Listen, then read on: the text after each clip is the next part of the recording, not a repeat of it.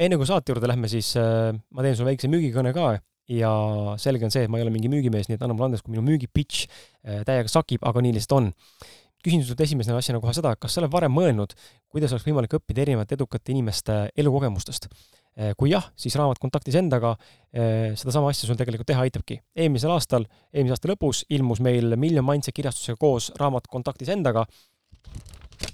niimoodi kõlas see raamatulehtede lappamine. See on mul praegu siin käes, hea raamat. ja see raamat Äh, sisaldab siis neljakümne kuue erilise inimese lugu, mis aitavad sinul saavutada eneseteadlikkust, õppida end paremini tundma, saada vabaks oma piiravatest uskumustest ning elada seejuures kergemat elu, mis tegelikult ongi meie, meie kõigi eesmärk, vähemalt minu oma. raamatus leiad vastused küsimustele nagu näiteks, kuidas olla autentsem, kuidas mõtlevad edukad inimesed, kuidas leida oma tee ja kirg, kuidas toimib ideaalne paarisuhe, kuidas saada lahti kompleksidest ja alaväärtustundest, kuidas vabaneda hirmust ja hukkamõistust, kuidas kuulata oma intuitsiooni ehk sisetunnet ja veel palju-palju teisi küsimusi, millele sa vastused saad, need kõik lihtsalt ei mahu praegu siia väiksesse reklaamiklippi. ja lisaks nendele küsimustele või nendele vastustele, mis sa saad nendele küsimustele, lisaks sellele kõigele muule, saad sa veel teada raamatust siis neljakümne kuue erineva eh, podcasti ausad mehed külalise nõuandeid, taipamisi ja soovitusi, kuidas saavutada endaga paremat kontakti, samuti kolmkümmend spetsiaalset raamatu jaoks kirjutatud väärtust andvat täiendavat lühilugu, samuti ausad mehed podcasti kirjaliku saadete kokkuvõtted, mis on koostatud minu enda poolt tegelikult ja ma olen välja noppinud isiklikult kõik need head mõtted nendest kõikidest mõtetest ühe saate kohta, nii et kui sa neid saateid kuulad, siis ma olen üsna kindel ja veendunud, et need mõtted sulle ka meeldivad, mis raamatusse pandud on.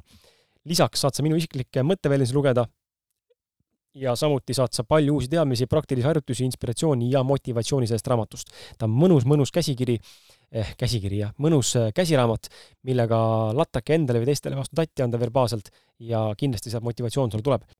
raamat Kontaktis endaga eh,, ausad vestlused elus ja pildis, esimene osa kirjeldab esimest sadat maha peetud ausat, autentset ja värskendavalt toorest vestlust. kui sa soovid seda raamatut endale saada, siis ole ja mine külasta kriskala.com või miljon.ee lehekülge, minnes nende e-poodi ning endale see raamat sealt ka saad siis endale tellida. tellides selle kriskala.com kaudu on raamat tulemas ka autogrammiga või pühendusega. raamatu hinnaks on seitseteist, seitseteist üheksakümmend viis eurot ja sellega on äh, meie reklaam läbi. aitäh sulle ja ilusat kuulamist!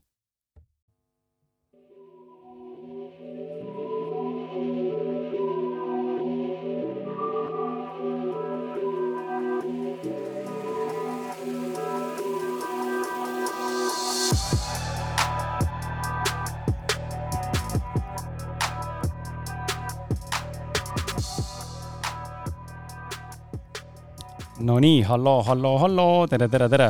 tere tulemast äh, järgmisse podcasti episoodi peaaegu kakssada, numbrit ei mäleta, sassisime, salvestame ette, see teeb asja keerulisemaks, aga äh, uus saade on käes äh,, loomulikult taaskord jälle äh, külalisega ja seekord äh, väga ägeda külalisega, ma olen päris pikalt oodanud, et tänase külalisega kohtuda ja, ja egas äh, mõnikord ongi niimoodi, et kui elu kokku ei vii, siis lihtsalt tuleb ise äh, sõna mõttes jalaga tagumikku anda ja kätt pulsil hoida, et siis see kohtumine saaks tehtud ja, ja, ja täna õnneks see siin ka juhtus. enne kui lähme saate sissejuhatuse juurde või siis külalise sissejuhatuse juurde, ma mainin üle, et ähm, kui sa oled minu pikaajaline kuulaja, siis, või isegi mitte väga pikaajaline, ütleme niisugune pooleaastane kuulaja, siis sa tegelikult tead, et ähm, eelmise aasta lõpus, aasta kaks tuhat kakskümmend lõpus oli meil välja tulemas raamat Kontaktis endaga, mis on siis podcast'i ausad mehed esimene selline saadete kokkuvõtlik raamat, kus on põimitud ka siis äh, neljakümne viie inimese, äh, lisaks minule veel neljakümne viie inimese erinevad mõtted ja, ja äh, taipamised ja kogemused.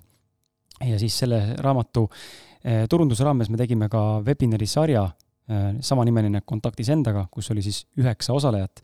ja mul on hea meel teatada, et äh, kuna see oli väga populaarne, siis mul on hea meel teatada, et ma olen võtnud äh, taaskord jälle vastutuse ja otsuse teha midagi sarnast, seekord küll teisel teemal ja seekordne webinari sari on siis tulemas meil, noh, tegelikult juba jookseb, meil on täna salvestamise hetkel käes juba aprillikuu ja tegelikult me salvestame ja webinar jookseb, et kui sa ei ole veel jõudnud meiega ühineda, siis ole hea, mine vaata ausadmehed.ee lehele ja sealt ülevalt navigatsioonimenüüst leiad üles sõna või siis tabloo või tab'i webinari, sealt siis saad näha, et tegemist on rahast lage, Mindseti muutus rikkaks webinari sarjaga, kus siis astuvad üles kümme erinevat Eesti inimest, kes on saavutanud rahalise sõltumatuse, mis mahus, mis mastaabis, eks me sellest äh, saame juba rääkida igas episoodis eraldi ja saad sina ka kuulata, aga üsna laia repertuaari ja, ja valdkonna selles mõttes esindajatega on meil äh, juttu tulemas ja jutud juba tehtud.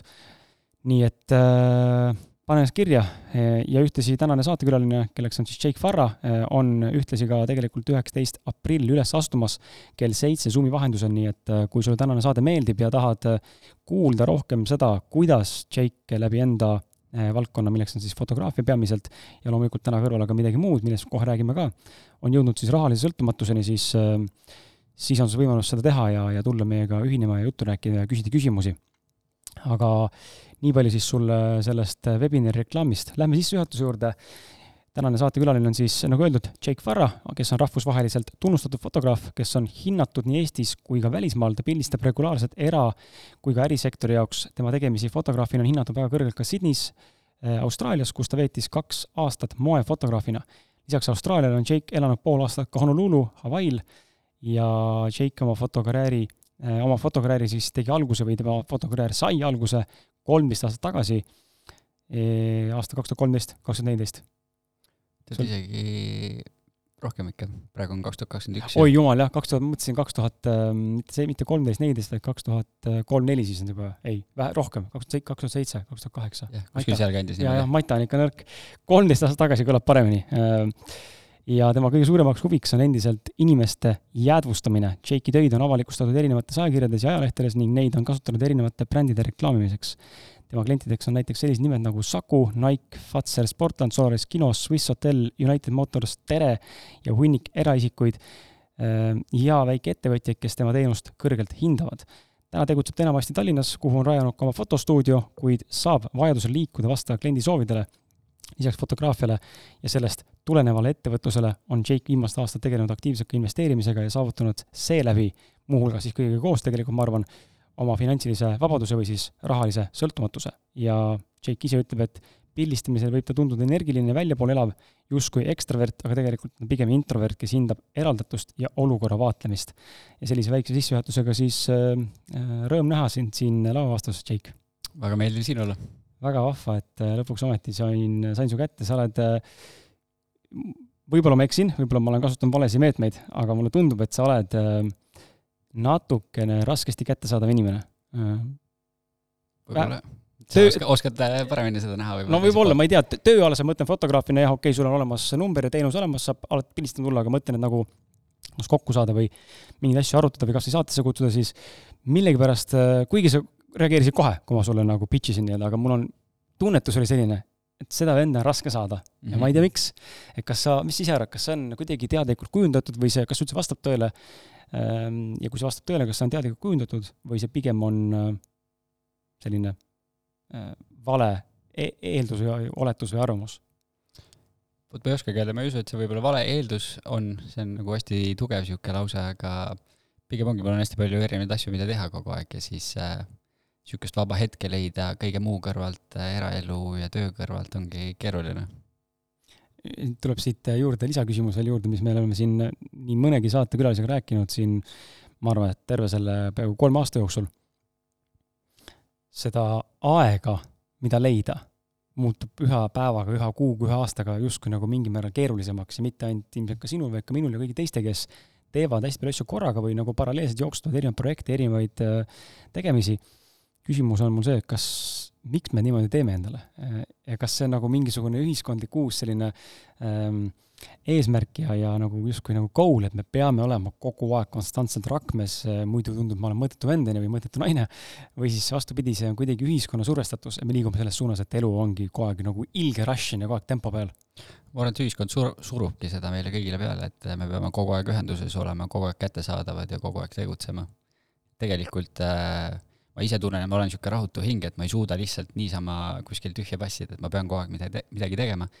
aga võib-olla see ei ole just nagu kõige mõistlikum, et tegelikult tuleks äh, aega maha võtta ja lihtsalt ka olla iseendaga ja iseenda sisemaailma nagu vaadata ja, ja mitte siis nii palju tõmmelda mm -hmm. igal äh, rindel kas sa ise tunned, kuidas, kas see pidev tõmblemine, kas ta mingis etappides on ka erinev sinu jaoks, noh, ma toon nagu enda koha näite, et ma võin siin äh, mingi aeg panna väga intensiivselt mingeid enda asju ja siis mingi hetk sa tunned tegelikult, et okei okay,, nüüd on nagu, vot nüüd, vot nüüd on kõik, karikas on nii täis, et ma ei taha enam mitte midagi teha järgmise nädala aega näiteks ja lülitan ennast täiesti välja. või sul pigem ei ole, et sa suudad ikkagi hoida tasakaalust asja, et sa ei jookse omadega üle selle eh, poti ääre või karika nii-öelda. siiamaani ma vähemalt ei ole tundnud, et ma üle piiri oleks läinud, et, et ma, on olnud küll niisuguseid hetki, kus ma tunnen, et nüüd on nagu, kõik on nagu täis ja ma rohkem ei jaksa, aga siis äh, mul piisab niisugusest, ma ei tea, paarist tunnist, poolest päevast ja siis ma tunnen, et okei okay,, nüüd ma pean midagi tegema, sest et muidu ma olen kasutu. see on väga huvitav, on ju, see, see just nimelt, sa ütled sama asja, see sõna ma olen kasutu. Ehm, noh, minul, minul paralleelselt äh, tõmbab kohe sõna, et ma olen äh, I m not enough mm. -hmm. mis on nagu, paneb mõtlema, et aga mida me siis tegema peame, et millal ma siis olen enough ja millal ma lõpuks olen siis kasulik, on ju, kui sa tegelikult juba oled kasulik, on ju, ühiskonnale yeah. ja maailmale, et see on hästi huvitav, kuidas me iseennast ähm, saboteerime või, või siis nii-öelda piitsutame, piitsutame jah, ja nagu täiesti asjatult ja, ja ilma nagu igasuguse loogilise, ratsionaalse nagu noh, põhimõtete või mõtete, on ju, lihtsalt anname tuld mm. -hmm. see on nagu, see on lihtsalt huvitav kuulata, et kui inimesed kuulavad ka, ma tean, väga paljud on küsinud ka, et või nagu mõelnud, et huvitav, et no needsamad mõtted, et kas on mingid saboteerivad mõtted või ennast maha tegevad mõtted või enda piitsutamised, kas siis, et edukad inimesed või inimesed, kes on täna mingis, mingis mastaabis edu saavutanud, et nemad kindlasti niimoodi teevad oma happy place'is kogu aeg ja kogu aeg rahu, on ju, tegelikult see ei ole nii. vahe, vahet, mida sa teed või kus sa oled, on ju, need, need mõtted on kogu aeg meil jooksvad nagu peas. ja pluss ma arvan, me ise endal olemegi tegelikult kõige suuremad need piitsutajad või vaenlased mm. -hmm. ja ise nagu lükkame ennast sinna auku ja ise saame sealt august kenasti välja tõmmata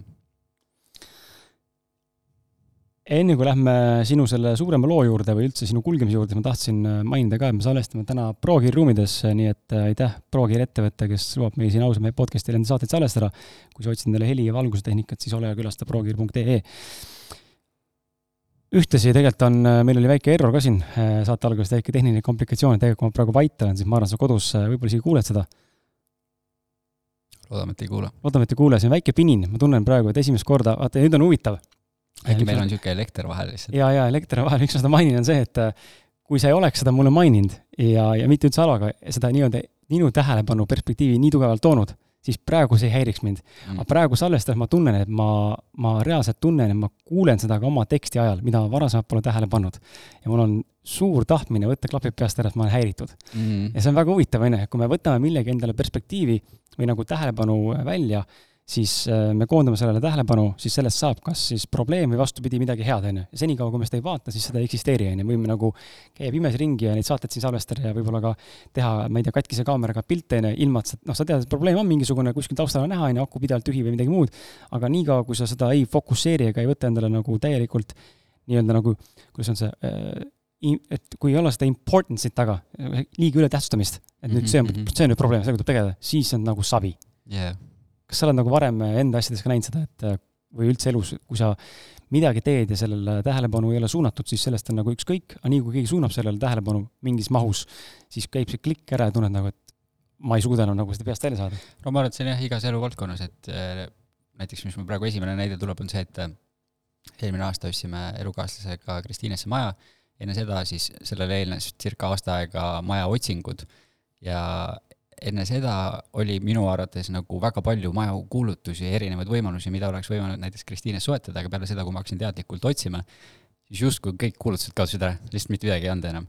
et äh, ja, või sama näiteks, et kui sa ostad, on ju, mingi auto ja vaatad äh, seda konkreetset mudelit, sa hakkad igal pool seda mudelit mm -hmm. nägema, et noh, väga palju olenebki sellest, kuhu sa oma energia suunad ja mida sa jälgid Kristiinesse maja, kus kohas see Kristiine majad seal on, kas siis nagu linnutee, nagu selles nagu keskuse nagu lähistel olevatel Südiste tee enda, enda rajoonis või kuskil on põhimõtteliselt mingi... tegelikult siinsamas, seal äh, Mariantali Selveri lähedal. okei okay., miks just Kristiinesse?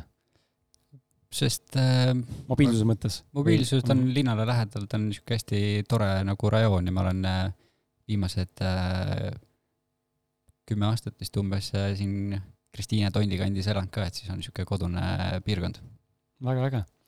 Äh, aga lähme siis edasi äh, või noh, alustame siis nii-öelda, pigem nagu alustame siis tänase äh, saate selle põhiküsimusega, milleks on meil siis see, et räägi, kes sa oled ja, ja mis sa teed ja, ja, ja enda niisugune nagu noh, teekond läbi mingite milstone'ide, peatu seal, kus sa tahad peatuda ja, ja ja anna meie kuulajatele mingisugunegi arusaam, kes on siis Jake Farra mm. -hmm. see on niisugune hästi suur küsimus aga kui me nagu algusest äh, algame, siis äh, ma sündisin kahekümne seitsmendal augustil äh,, täpselt samal päeval, kui mu emal sünnipäev on, nii et ma olin talle nagu sünnipäevakingiks. et äh, see on äh, minu ja ema vahel loonud niisuguse, noh, ma ei tea, kas see mängib rolli, aga, aga meil on niisugune hästi tugev nagu side olnud terve elu, siiamaani äh, esimesed kümme aastat äh, ma elasin Mustamäel, ma olen Tallinna poiss, Tallinnas sündinud.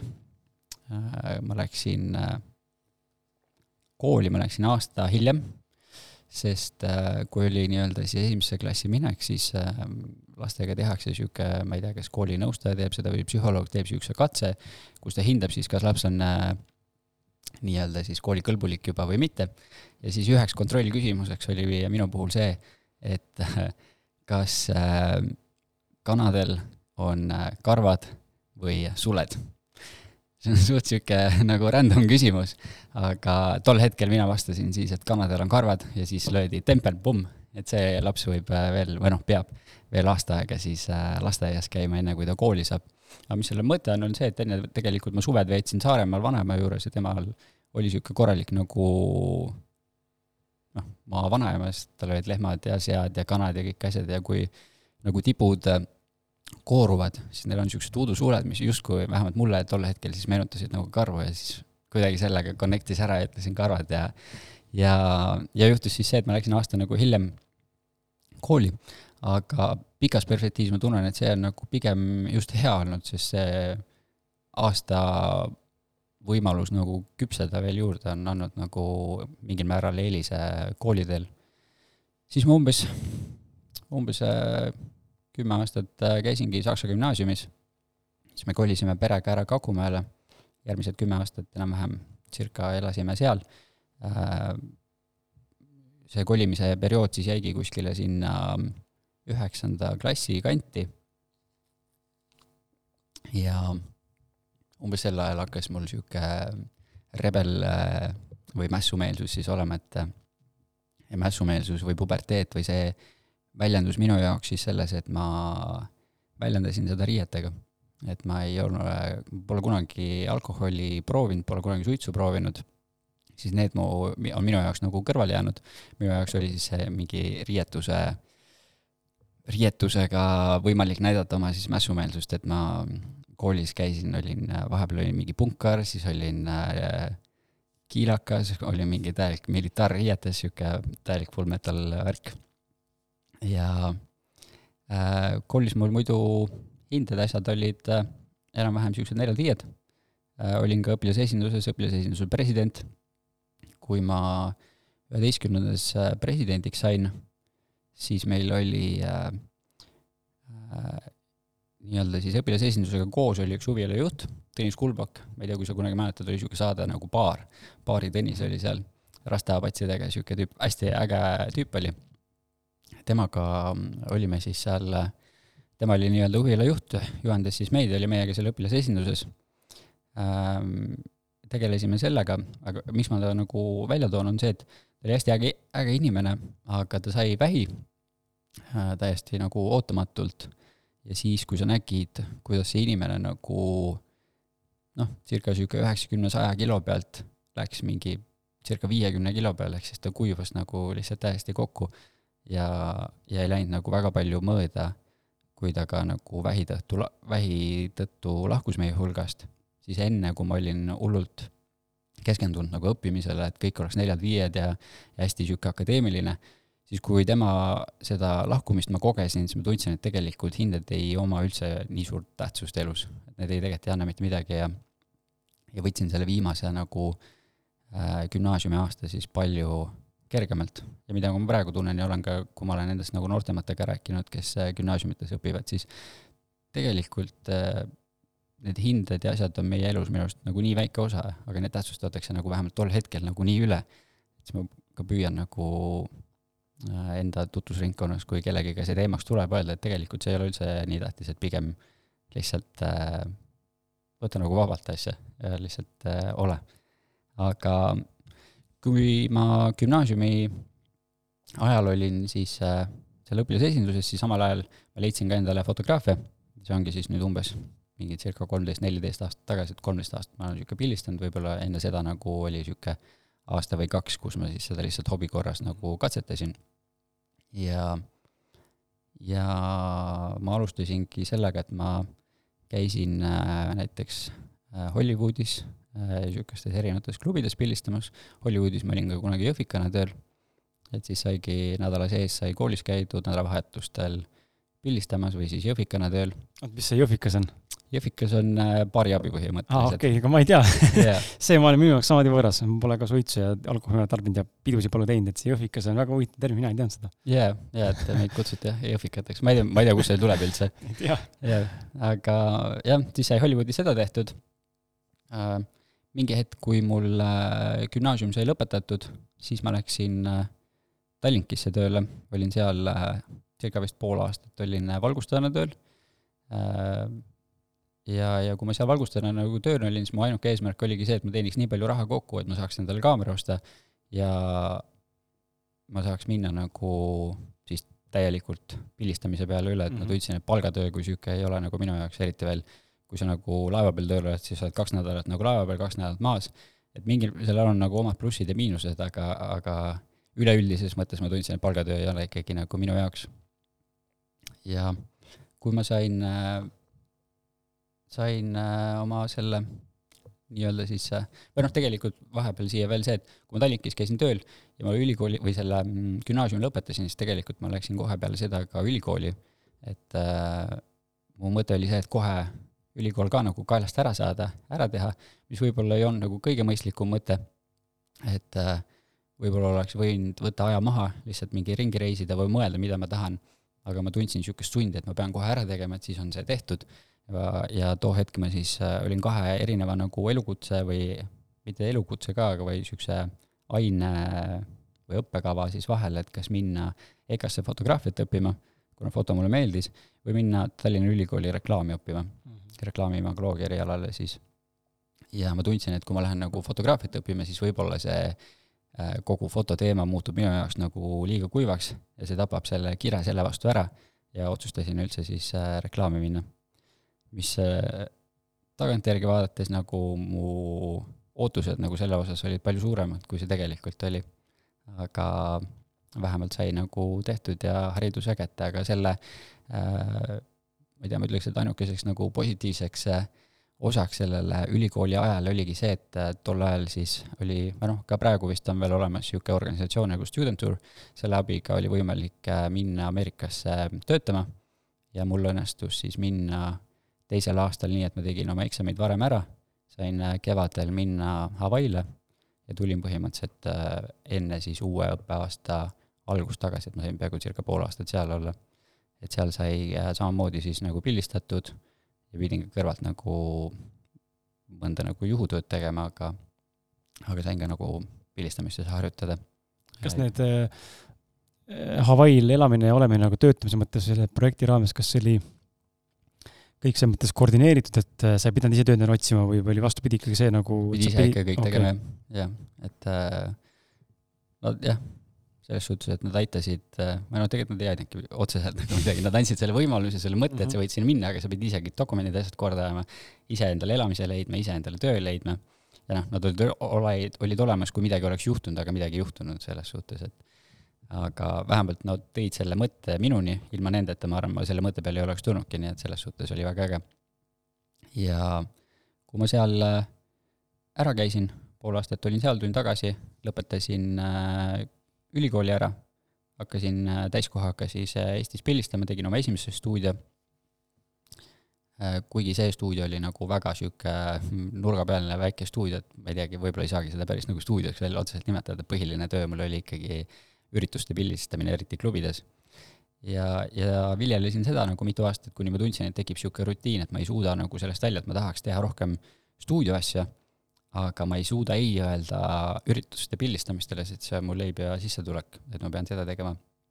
ja siis, kuna see rutiinitunne hakkas järjest rohkem nagu peale tungima, siis tekkis mõte, et äh, oleks äkki aeg Austraaliasse minna. ma tean, sa ise vist käisidki Austraalias.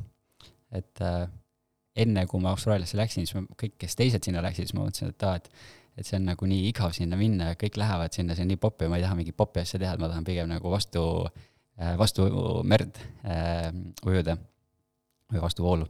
aga siis mingi hetk ikkagi käis mul niisugune klõps ära, et okei okay,, et ma lähen proovin ka siis. ja äh, mu mõte oligi sellest, et ma lähen Austraaliasse ja ma teen ainult fototööd, ma pean küll, on ju, farmitöö ära tegema, aga noh, see on see kohustus, mis tuleb teha, aga muus osas ma mingit, ühtegi teist tööd nagu ei võta, et ainukene variant on kas fototöö või ma kukun läbi põhimõtteliselt mm. -hmm. ja siis äh, ma läksingi Austraaliasse, tegin oma farmi ära, võib-olla pärast võib-olla räägime täpsemalt, mis seal -hmm. oli.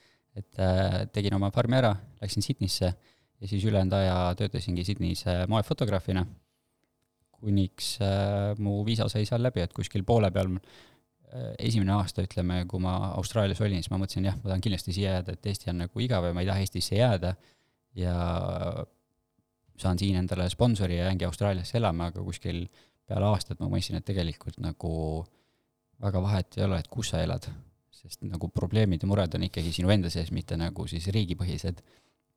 ja ma tundsin, et tegelikult Eesti on väga äge, et ma hakkasin palju rohkem nagu Eestit armastama ja mõistma, kui hea tegelikult Eesti on.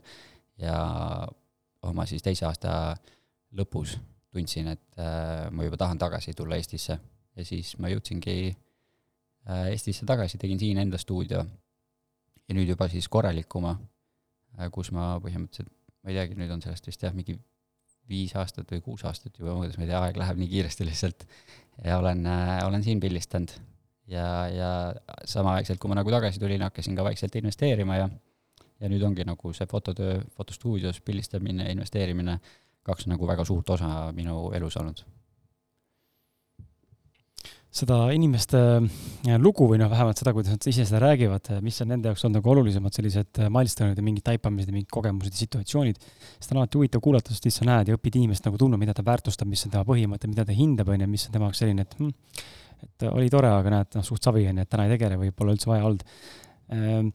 mulle meeldis, et sa tõid nagu välja selle, et see vastuvoo liikumine mul endal on, ähm, samastun sinuga hästi palju ja ma usun, ka paljud kuulajad samastuvad, et ma olen ka see trotsiga, et ma lähen kas või äh, verisena siit äh, ruumist välja, aga ma ei, ma ei tee seda, mis teeb mass, mulle lihtsalt, lihtsalt ei sobi ja ma saan mhm. aru, et see on ka sinus.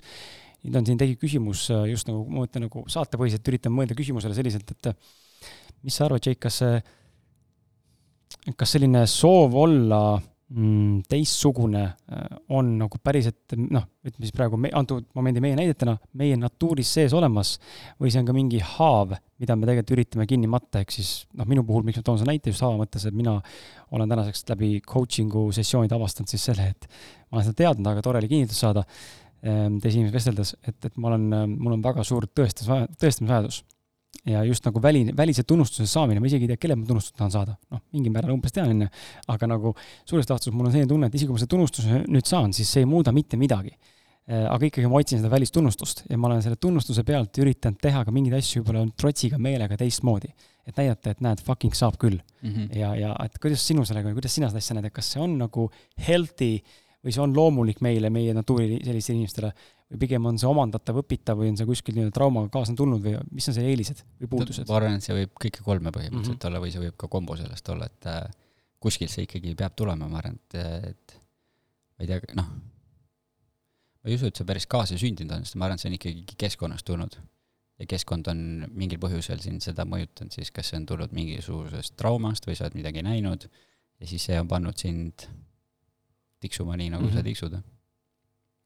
Kuidas see sind mõjutanud on, kas sa tunned, kas elu on olnud see mõte, noh, kas elu on selles mõttes olnud läbi nende valikute, mis sa oled teinud, on nagu olnud keerulisem, raskem justkui võrreldes nüüd noh, jälle võrdleme peaga, võrdles nüüd kellegi ühiskondliku standarditega või, või vastupidi, see on olnud nagu lihtsam, sest et sa oled jäänud iseendale truuks?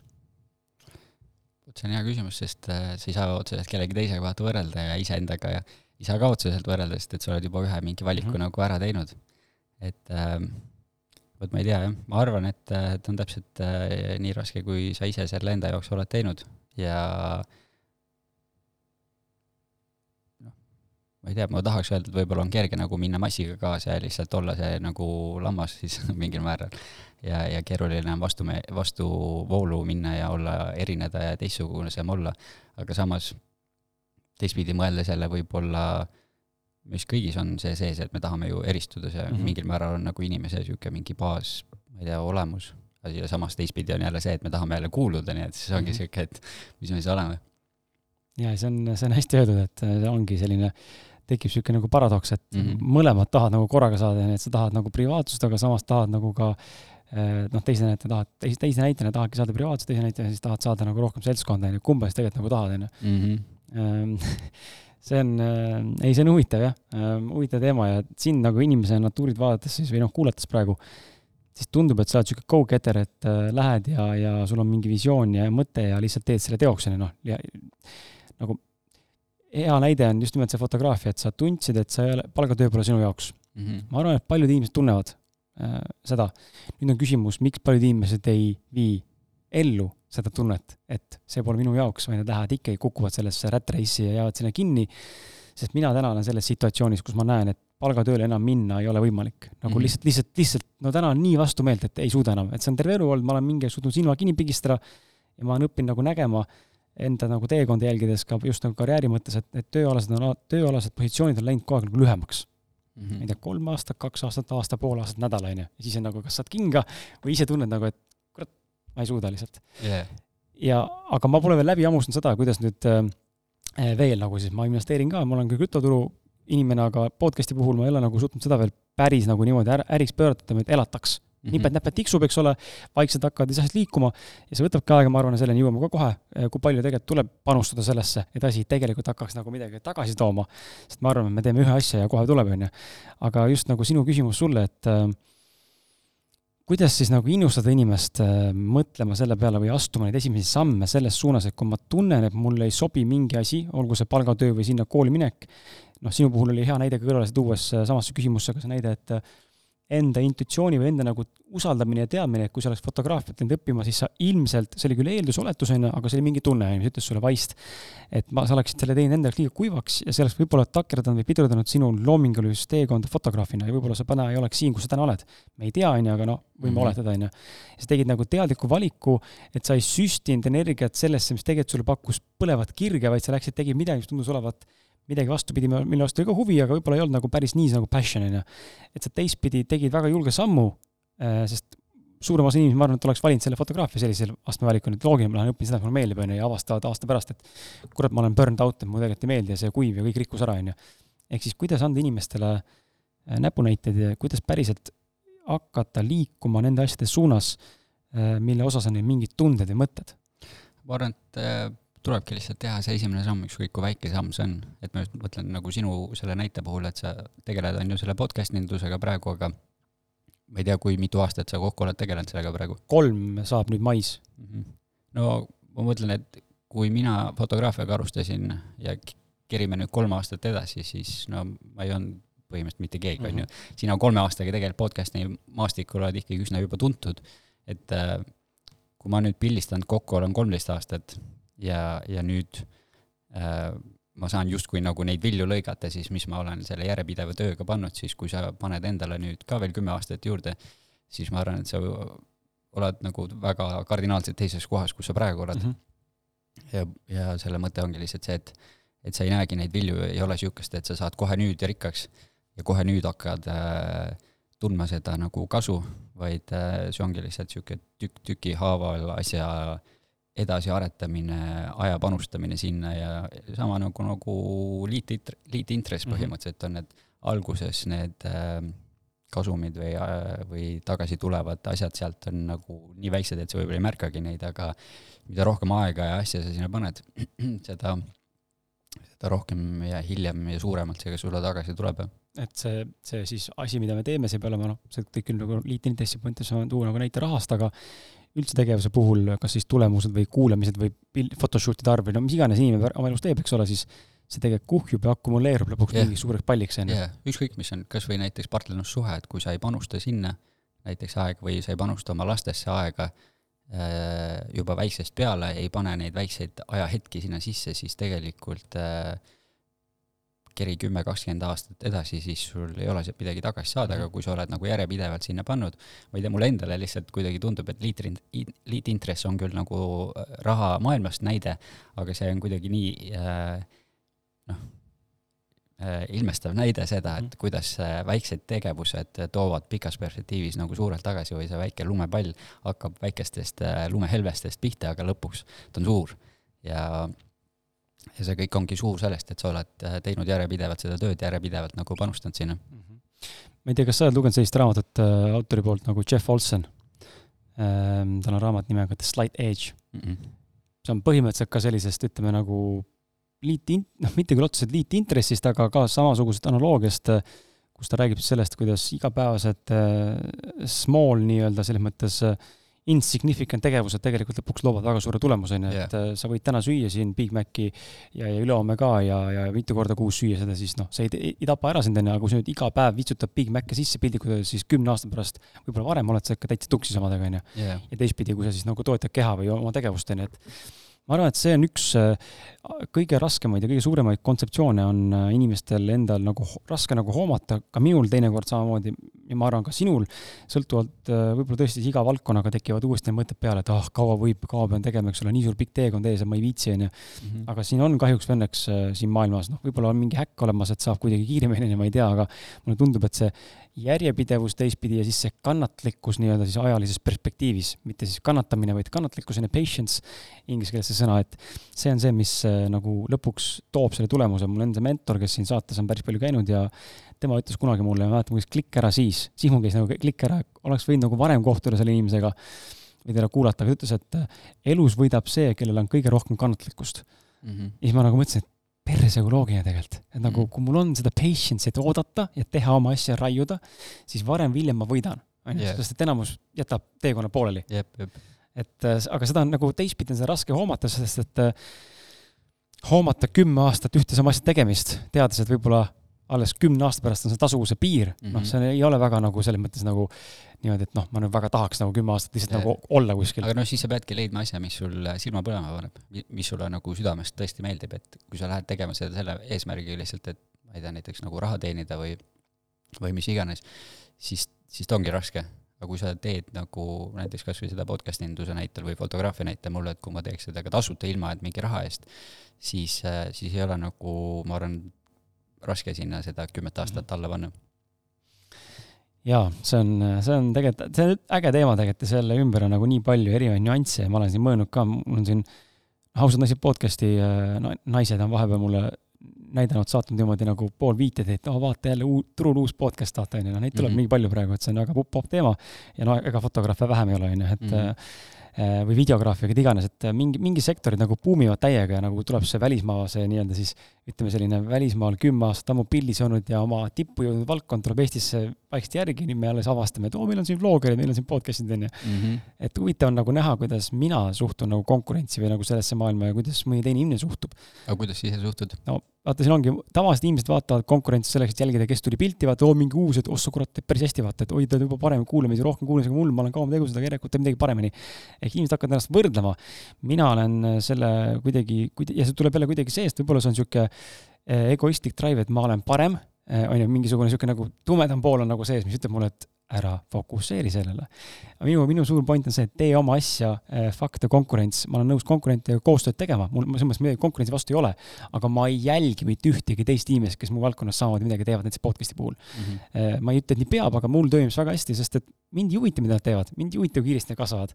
iga teekond on erinev ja, ja ma tean seda, et ja see on see fakt, millest rääkisime ka, mul on lihtsalt see sees teadmine, et mina olen siin tõenäoliselt järgmised viis ja kümme aastat no võib-olla kümme on palju öeldud täna, aga viis kindlasti ma olen veel, ma arvan mm. -hmm ma sügavalt kahtlen, et ülejäänud inimesed nagu üheksakümmend protsenti neist seda teevad, sest täna podcast'i statistikat ja ma arvan, ka fotograafia statistikat vaadates, üldse mis iganes valdkonna statistikat vaadates, siis noh, see kehtib ka ettevõtluse puhul ju, et väga suur eh, ettevõtluse arv, üldse protsent tegelikult sureb välja üsna kiiresti, on ju, jäetakse pooleli, vaadatakse, kurat, see pole mulle, viitsi teha, on ju.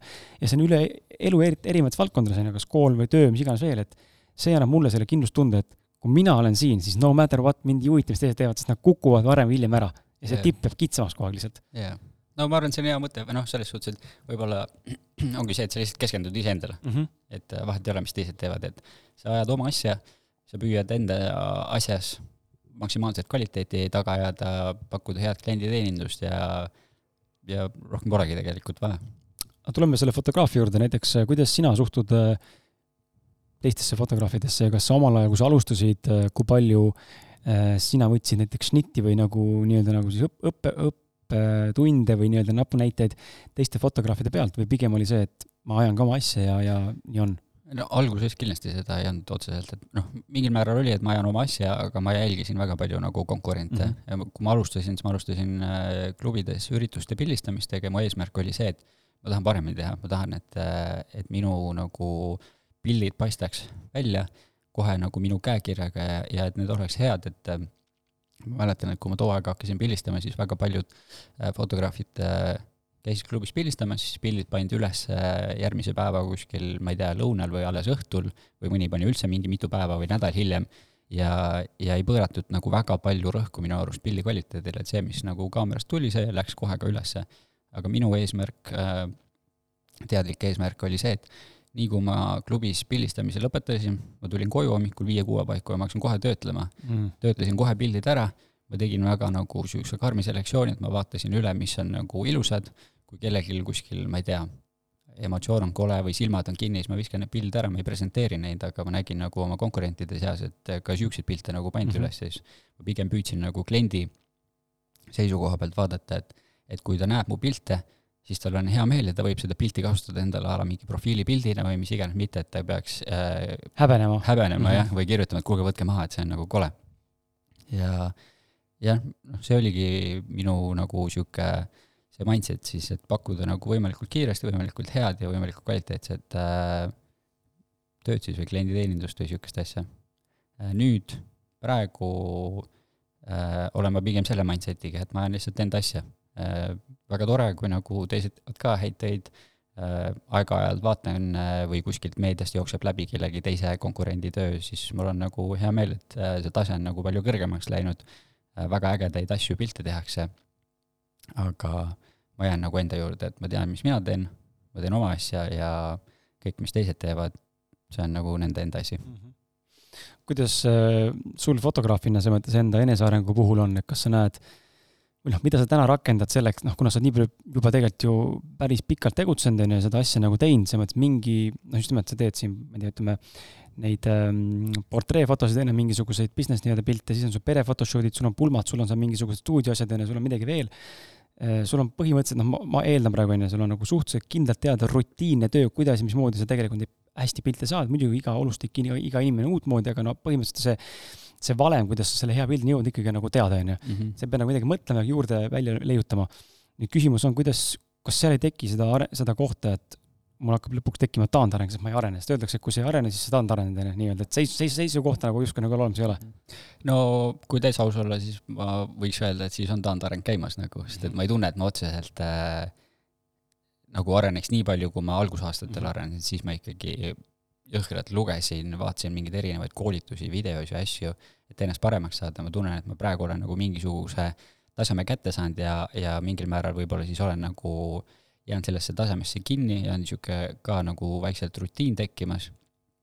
ja, ja ma olen nagu üsna pikalt mõelnud selle peale, et ma peaks nagu midagi veel tegema, et tuua tagasi siis see põnevus või see nagu sära siis sellesse pildistamisse, et see on olemas mingil määral, aga seda võiks nagu kõvasti rohkem olla tahtsin just öelda, et see rutiin ei tähenda praegu meie vestluses siis võrdusmärgi all, et sul on nagu juba nagu Äh, okse, oksemaik on suus ja seda mitte, et ikkagi mm -hmm. on sinu jaoks põnev valdkond yeah.. lihtsalt saaks olla veel nagu, veel, noh, seal on ruumi, kus olla veel ägedam nii-öelda see enda jaoks. jaa yeah., no ongi siis, et nagu mulle väga meeldib pildistamine, aga samas äh, ma püüangi nagu laiendada seda siis, kas mõelda samamoodi nagu mingite koolituste andmiste peale või võtta mingi kitsam nagu pildistamise suund või noh, mis iganes, et äh, ma ei ole veel midagi konkreetset ära otsustanud, et kuhu ma liigun, lihtsalt kompan erinevaid nagu asju aga see kompamine on ka selles mõttes keeruline, et ongi, et see, mis ma praegu teen, on hea nagu turvaline, kui ma peaks midagi uut võtma, siis see on põhimõtteliselt nagu nullist jälle ülesehitamine mm, -hmm. sa pead jälle panema seda aega sinna, samas sa pead siis seda aega võtma sellest põhiasjast ära, et see ongi niisugune pidev nagu võitlus iseendaga, et mida ja kuidas teha. kuidas sa fotograafina ennast, mis on sinu sellised, mis on fotograafina sinu suurim eesmärk, mis on veel sul saavutamata? ma arvan, et äh, mu suurim eesmärk või üldse nagu eesmärk, miks ma hakkasin pildistama, oli see, et mäletan kunagi, kui ma, kunagi oli Orkut oli ja siis Orkuti äh, profiilipilte vaadates ma nägin, et inimeste nagu profiilipildid olid äh, üsna nagu kehva kvaliteediga, siis ma mõtlesin, okei okay,, mina tahan olla see, kes pakub nagu häid pilte, et mm -hmm. inimene võib panna endale ilusa pildi ja ta saab nagu uhke selle üle olla. ja, ja ma arvan, et see on nagu olnud see läbiv mõte või eesmärk mul siiamaani Äh, lisaks siis sellele on lisandunud see, et tänu sellele minust jääb nagu jälg maha. et kui mind kunagi enam ei ole, siis vähemalt mu pildid on olemas, see lugu selles pildis on olemas ja, ja ma olen siia maailma nagu mingisuguse oma panuse andnud. See on hea märguanne või nagu tähelepanek sinu poolt, et äh, ma ise mõtlesin selle peale, aga mitte küll läbi sama sõnastuse, aga ma taipasin ka mingi aeg sotsiaalmeedias äh, väga, väga tihti nagu otseselt ei scroll'i seal midagi, aga ikkagi inimeste profiile näed ja Messengeri suhtled inimestega, siis märkasin, et jube paljudel on professionaalsed fotod, on ju, et mm -hmm no ka tava, noh, selles mõttes tavainimene, mis on tavainimene, inimene, kes võib-olla noh, otseselt ta seda profifotot vaja pole, aga ta on teinud mingi jubeda äge nagu mingisugune kihvti siukse setup'i ja nüüd on tulnud mingisugune profifotograaf pildistanud teda ja ta on lihtsalt profiilipilt, onju. mida vanasti üldse ei olnud, siin mm -hmm. paar aastat tagasi oli nagu tavaliselt mingid selfie'd lihtsalt või mingid üritused, keegi kuskilt siin sõber pildistas siin kuskil Macis või no mingi siuke asi, onju. et aga nüüd on see hakanud nagu normaalsuseks muutuma, meil on endast professionaalsed fotod, mida me nagu näitame jaa, no ma tunnen, et ühiskond on väga visuaalseks läinud ja ma arvan, et ta läheb järjest rohkem ka visuaalseks, kõik kolib internetti, et sul peab olema niisugune väga hea nagu visuaalne kaart, mäletan, et siin mingi paar nädalat tagasi üks tüüp käis minu juures pildistamas. Äh,, tal ei olnud nagu väga häid profiilipilte, siis ta ütles, et äh, ta tahaks Tinderisse endale uusi pilte saada. Ja et, et tal ei ole Tinderis nagu üldse naistega õnne. ja siis äh, tegime talle nagu pildid ära siis läks natuke aega mööda hiljem ja siis ta kirjutas mulle, kuule, et nagu ma nii tänan sind lihtsalt, et mul nagu iga naisega tuleb lihtsalt match, match, match, match, mida enne nagu ei ole olnud ja sihukest asja nagu kuulda on nagu nii tore lihtsalt, et äh, sa saad nagu aidata inimeste nii-öelda enesehinnangut ja, ja, ja ka seda visuaalset identiteeti nagu nii palju tugevamaks mm -hmm. ja paremaks teha. teistpidi tõstatab see praegu minus küsimuse selle, et mis meil ühiskondlikult viga on, et me nagu noh, nii-öelda viga, et me hindame siis nagu pildi kvaliteedi või, või pildi järgi, kas me tahame selle inimesega midagi üldse suhelda või mitte, on ju, tegelikult kui, kui pealiskaudne see on, aga samal ajal noh, paratamatult see nutimaailm on meil üha rohkem ja peale, rohkem peale tulemas, samamoodi tahtsin tuua selle näite ka Instagrami kohta, et kui Instagram kunagi tuli, siis ma, mina vist sellega alguses kaasa ei läinud, aga mingi hetk läksin ja siis sain üsna kiiresti aru sellest, et ma vist ei suuda seal nagu äh, feed'i mõttes konkureerida, et mul mm -hmm. ei ole neid, esiteks kaamerat, millega pildistada, onju. Mhm. ja täna on kõik ju nii visuaalne, et sul peab olema nagu üli high-end production, tava Insta konto, muidu keegi ei follow sinust, muidu pole ilus jälgida mm. -hmm. et mingid tavalised pildid, kus ma istun ise teen selfie bussis või noh, see nagu ei tööta enam üldse nagu. kuigi võib-olla natuke vaidleks vastu, et mulle tundub, et see on olnud nagu teemaks, aga ma ise praegu tunnen, et, et tendents on nagu selle poole, et inimesed tahavad rohkem nagu loomulikku, loomulikku mm -hmm. jah, seda, et sul ongi võib-olla kole pilt, ei olegi võib-olla ülisätitud, ei ole olemas, vaid sa oled nii-öelda see tavainimene siis, et see mulle tundub, et see ka nagu vaikselt äh, kogub tuure. täitsa võimalik, no mingi aeg oli väga hull. mingi aeg oli jah äh, ei no põnev, see on põnevad, põnevad valdkonnad on need äh, nutimaailmad ja kogu see teema ka. Hüppame korra siit fotograafiast kõrvale ja lähme küsimuse sellise eksistentsiaalsema küsimuse, et äh, kui inimene, kes meid täna kuulab ja, ja enne me rääkisime sellest, et kuidas siis pihta hakata, kui sul mingi tunne on, on ju, oma, oma sammude või oma, oma visioonide, enesmärkide suunas liikuma hakata, siis nüüd on teine küsimus see, et kuidas aru saada, kas tegemist on valdkonnaga, mis mulle päriselt sobib ja mis on mulle mõeldud, noh, me räägime siin, me võime siin sinuga praegu rääkida elu mõttest ja, ja ma ei tea, minu tänasest äh, kehastusest siin planeet Maal ja no kuidas me iganes, keegi mõtles seda raha, kui sügavalt ja kui suurelt, on ju. aga selge on see, et midagi me tulnud tegema oleme siia. võib-olla ei ole ka, on ju, võib-olla lihtsalt oleme tulnud kogema. aga kuidas nagu aru saada, et üks tegevus on mul ja üks tegevus ei ole, on ju, et noh, sinu puhul fotograafia, kuidas ära tunda seda nüüd, et vot, vot see nüüd klikkas ära, et vot siit tuleb kinni võtta? ma arvan, et äh, seda on nagu väga raske kellelgi teisel teisele öelda, et see ongi hästi niisugune su enda väga nagu isiklik tunne, et kui sa, sa pead ise tundma ära, et et seda tehes ma, et see paneb mul silma nagu äh, särama, võib-olla isegi niisugune harjutus võiks siis olla, et mõtle, et äh, kui raha maailmas ei oleks äh,, kui sa ei pea nagu mitte millegi raha pärast nagu finantsiliselt muretsema, siis mida sa teeksid? ja, ja see, mis sa teeksid äh,, on asi, mille tõttu sa nagu ei pea raha pärast muretsema, siis äh, võib-olla see ongi see, mis sulle äkki meeldib ja siis hakka lihtsalt seda valdkonda nagu uurima et ükskõik kui lai see on, ma ei tea, kui sulle meeldib muusika, siis äh, sa tunned, et sa tahad nagu muusikaga tegeleda ka siis, kui sa ei saa selle eest palka ega midagi ja siis lihtsalt hakkadki katsetama erinevaid valdkondasid, kas sa tahad muusikat produtseerida, tahad sa, ma ei tea, olla lauluõpetaja, tahad sa muusikastuudio teha, tahad helistuudiot äh, pidada, rentida, noh, et neid valikuvariante sealt harusi edasi minna on nagu väga palju, et siis lihtsalt peadki oma sisetundes tunnetama seda, et mis sind nagu kutsub ja mis pakub sulle seda väljakutset ja põnevust?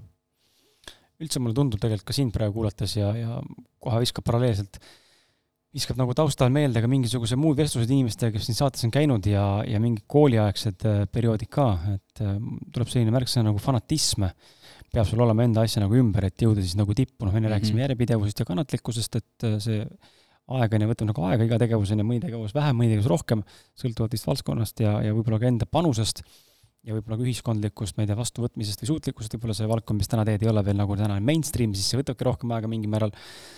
Ehm, ja sa ise ütlesid ka, et esimesed aastad oli reaalselt nagu selline, ütleme siis nagu enda lihtsalt vundamendi ehitamine, kus põhimõtteliselt nagu mitte midagi ei saanud, on ju, ja vabalt nii mõnigi võis pooleli jätta sel teekonnal mm. -hmm. ja ilmselt jätab ka täna.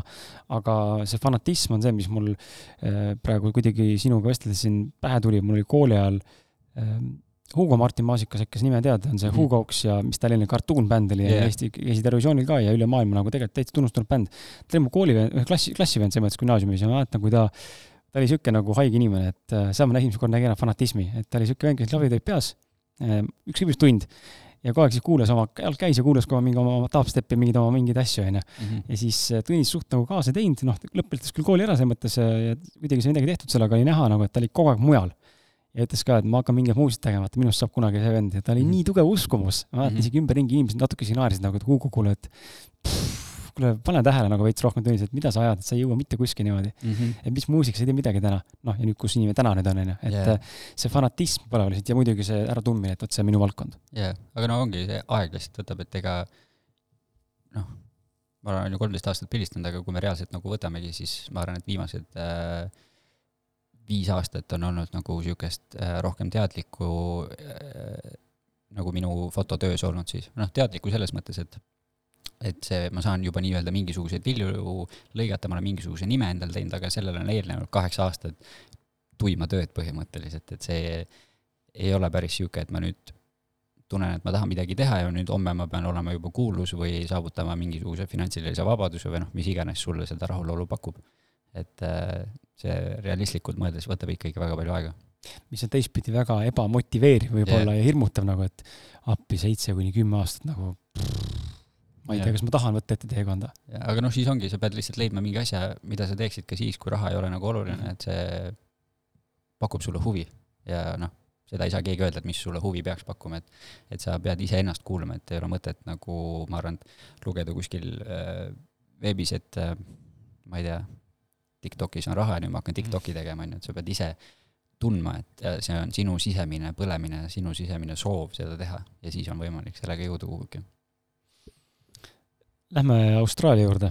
Äh, puudutame seda teemat ka, et äh, Austraalia on nagu teine Eesti, eks ole, meid on seal nii palju juba, et kui mina sel ajal seal olin, siis kuskilt keegi ketras mingit dokumentaali Eestist vist tehti, tuldi vist isegi sinna kohale filmi mingite austraallaste backpackeritega, seljakottränduritega ja, ja siis ma mäletan, et kuskilt käis läbi number, see oli siis aasta kaks tuhat neliteist, kaks tuhat kolmteist, midagi taolist, käis läbi number, et sel hetkel siis aastal kaks tuhat kolmteist, kaks tuhat neliteist oli meid kuskil kaheksateist tuhat eestlast Austraalias, mis on nagu päris suur arv meie miljon mm -hmm. peaaegu pooleteisest noh, protsentuaalselt nagu päris suur kogus inimesi onju. et nagu teine Eesti ja, ja, ja huvitav on see, et sa mainisid seda, et sul oli nagu väike trots sinna minekuga. minul oli sama tunne, et never ever me Austraaliasse ei lähe, et kõik mm -hmm. lähevad, fuck it, mina ei lähe mm, -hmm. mind ei huvita.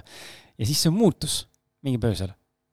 ma ei tea, kas ma siis vaatasin looduspilte või, või mis ma seal nägin, aga miski asi minus nagu muutis. ja loomulikult läksin ka raha teenima sinna eesmärgiga raha teenida, aga sellega ma sain kohe vastu näppe ja sain aru, et ma ei lä-, et raha, et raha nimel nagu või raha eest midagi nagu teha ei ole nagu see, see ei ole eesmärk, et kui ma midagi mhm. hakkan raha pärast tegema, siis mul jooksevad asjad rappa, seda ma olen mõnus näinud. see ei pruugi nagu kõigil nii olla, äh, ma pean silmas sind, hea kuulaja ähm, minul see lihtsalt niimoodi on, et see töötab väga hästi, see on minu jaoks indikaator, et ma teen midagi täiesti valel eesmärgil ma ei tea, kus sul on, Jake, kas sa oled ka näinud seda, et raha pärast midagi või nagu raha nimel midagi konkreetset teha? ma tunnen, et äh, kui nagu raha nimel midagi tegema hakata, et siis äh, see motivatsioon lihtsalt mingi hetk kaob ära, siis ei, ei viitsi jätad asja pooleli. et äh, jaa, aga huvitav jah, et sul sama nagu mõte oli, et mul samamoodi. kus sa läksid üldse alguses? mina pidin Perti minema mm. -hmm. Mul oli, et ma ei lähe kindlasti Perti, sest seal on nii palju eestlasi, ma tahan kuhugi mujale minna. jaa, mul sõber kutsus Perti, noh, et lähme sinna, et suur linn, eks ole, need on niisugused ka natuke rohkem ka võib-olla linnainimesed mm. -hmm. mina elukaaslasega olime sellised, kes nagu tahaks nagu metsas maal elada nagu kuskil rahulikult, onju, ja me läksime Geensi lõpuks kahekesti mm,. ma maandusin seal. ja siis seal olime esimesed kolm päeva vihmametsas kuskil kohaliku mingisuguses, mingi, reaalselt kohaliku mingisuguse onukese aakritel magasime telgiga vihmametsas, lihtsalt sittusime ojja ja vetsupaberit ei olnud, sest et vetsu ka ei olnud mm. -hmm. ühesõnaga täitsa äge kogemus oli ja lõpuks äh, suurem aeg tegelikult sai veedetud ikkagi Gold, Gold Coastil mm. -hmm. aga mis äh, sinu enda Austraalia teekond selles mõttes, et äh, see tegigi okei okay,, me teame, tuli, rääkisime korra sellest, et sa pidid tegema farmi tööd, on ju, Austraalias mm -hmm. on, noh, võib-olla täna on muutunud, ma ei ole seadusi jälginud, aga tol hetkel oli kaheksakümmend kaheksa farmipäeva, pidi ära mm -hmm. tegema, et saada teise aasta viisa nii-öelda siis mis eesti keeles sõna on, eligible on inglise keeles vist, aga nagu kuidas ta eesti keeles on, sa oled nagu väärt või, või no sul on võimalus võimalus jah, muidu ei tohtinud või muidu ei saanud nagu. Yeah.. et sa nagu kohustuse pead ära tegema need farmipäevad. mis farmis sa töötasid? ma lõpuks põhimõtteliselt olin kolmes farmis nagu kokku, et alguses ma läksin ka, maandusin Guernsey's, oli niisugune Pace Farm, olin seal äh, ananassi ja arbuusi korjaja, polnud õrna aimugi, et näiteks ananassid kasvavad niisugustes äh, ma ei teagi, kas need on nagu puud või põõsad, niisugused kahe, kahe poole meetrised puudpõõsad. põõsad vist. vist jah, põõsad niisugused.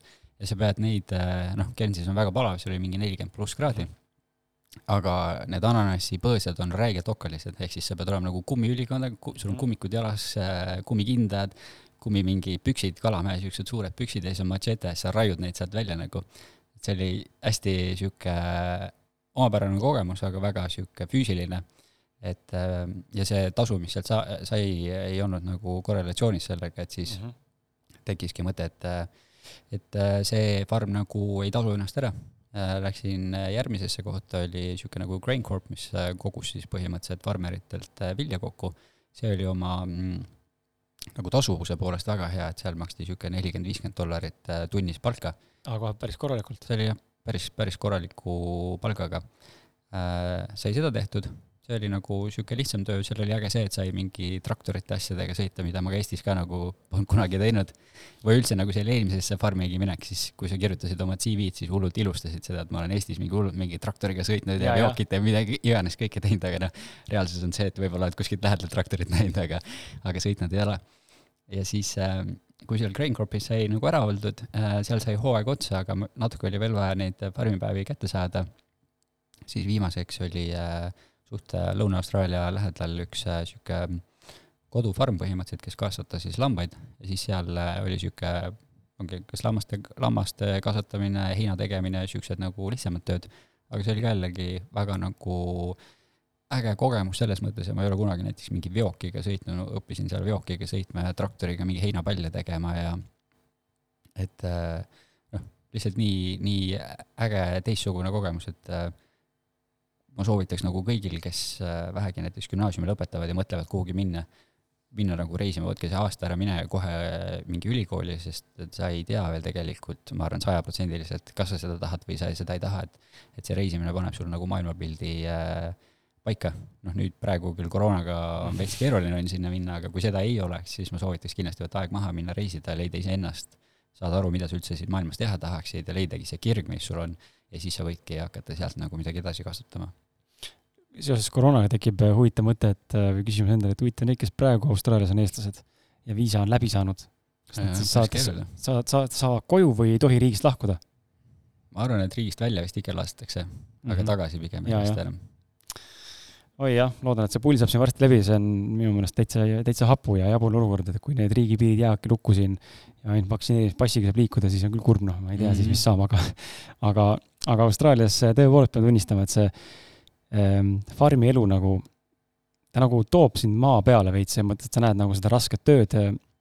ma sain ka mingite traktorite, mingite cherry picker'id on need, mis on niisugused mm -hmm. kraanad, eks ole, nagu me siin näeme tõstukitega, et on kolm jalga maas, siis toru läheb nii-öelda selle estakaadiga üles, nendega sain puu otsas olla ja seal mingeid mangosid ja mingeid litši korjata ja ja, ja ikka, niisugune ikka rõvedat töid oli ka ja, ja siis mõtledki, et saad nagu sandikopikaid, onju, see on nagu noh, eestlasele on küll suurem raha kui siin, onju, aga seal kohalikel on nagu oled ori nii-öelda, onju. aga noh, see kogemus lihtsalt. kogemus on rets yeah., väga rets, et ähm, see oli, see töökogemus oli äge, mulle ka meeldis.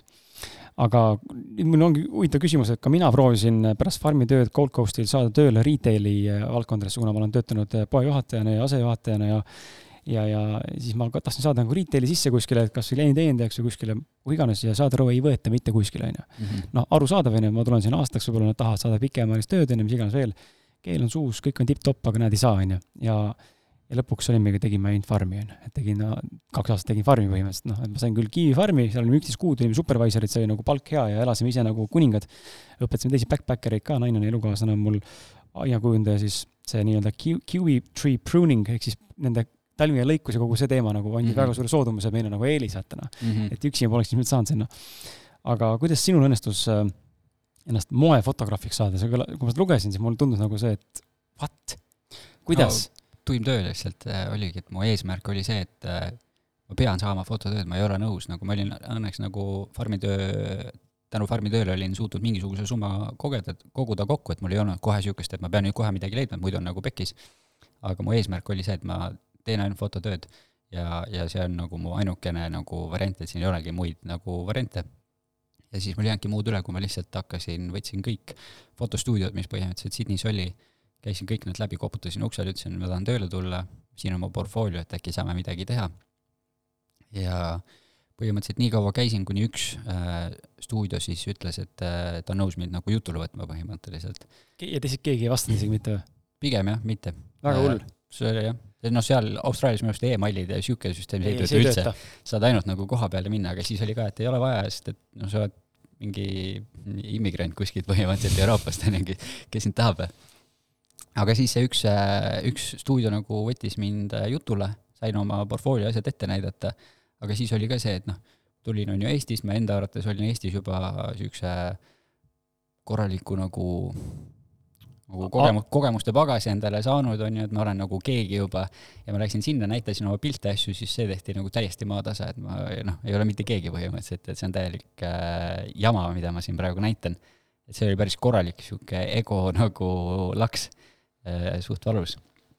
aga äh,, aga õnneks äh, noh, nad tegid selle maha, on ju, ma läksin koju, olin sihuke, et okei okay,, et no polnud enam, polnud kellegi juurde rohkem minna, ma olin Gumtree's, olin kuulutanud, et ma teen pilte, on ju, aga noh, seal on nii palju teisi fotograafe samamoodi.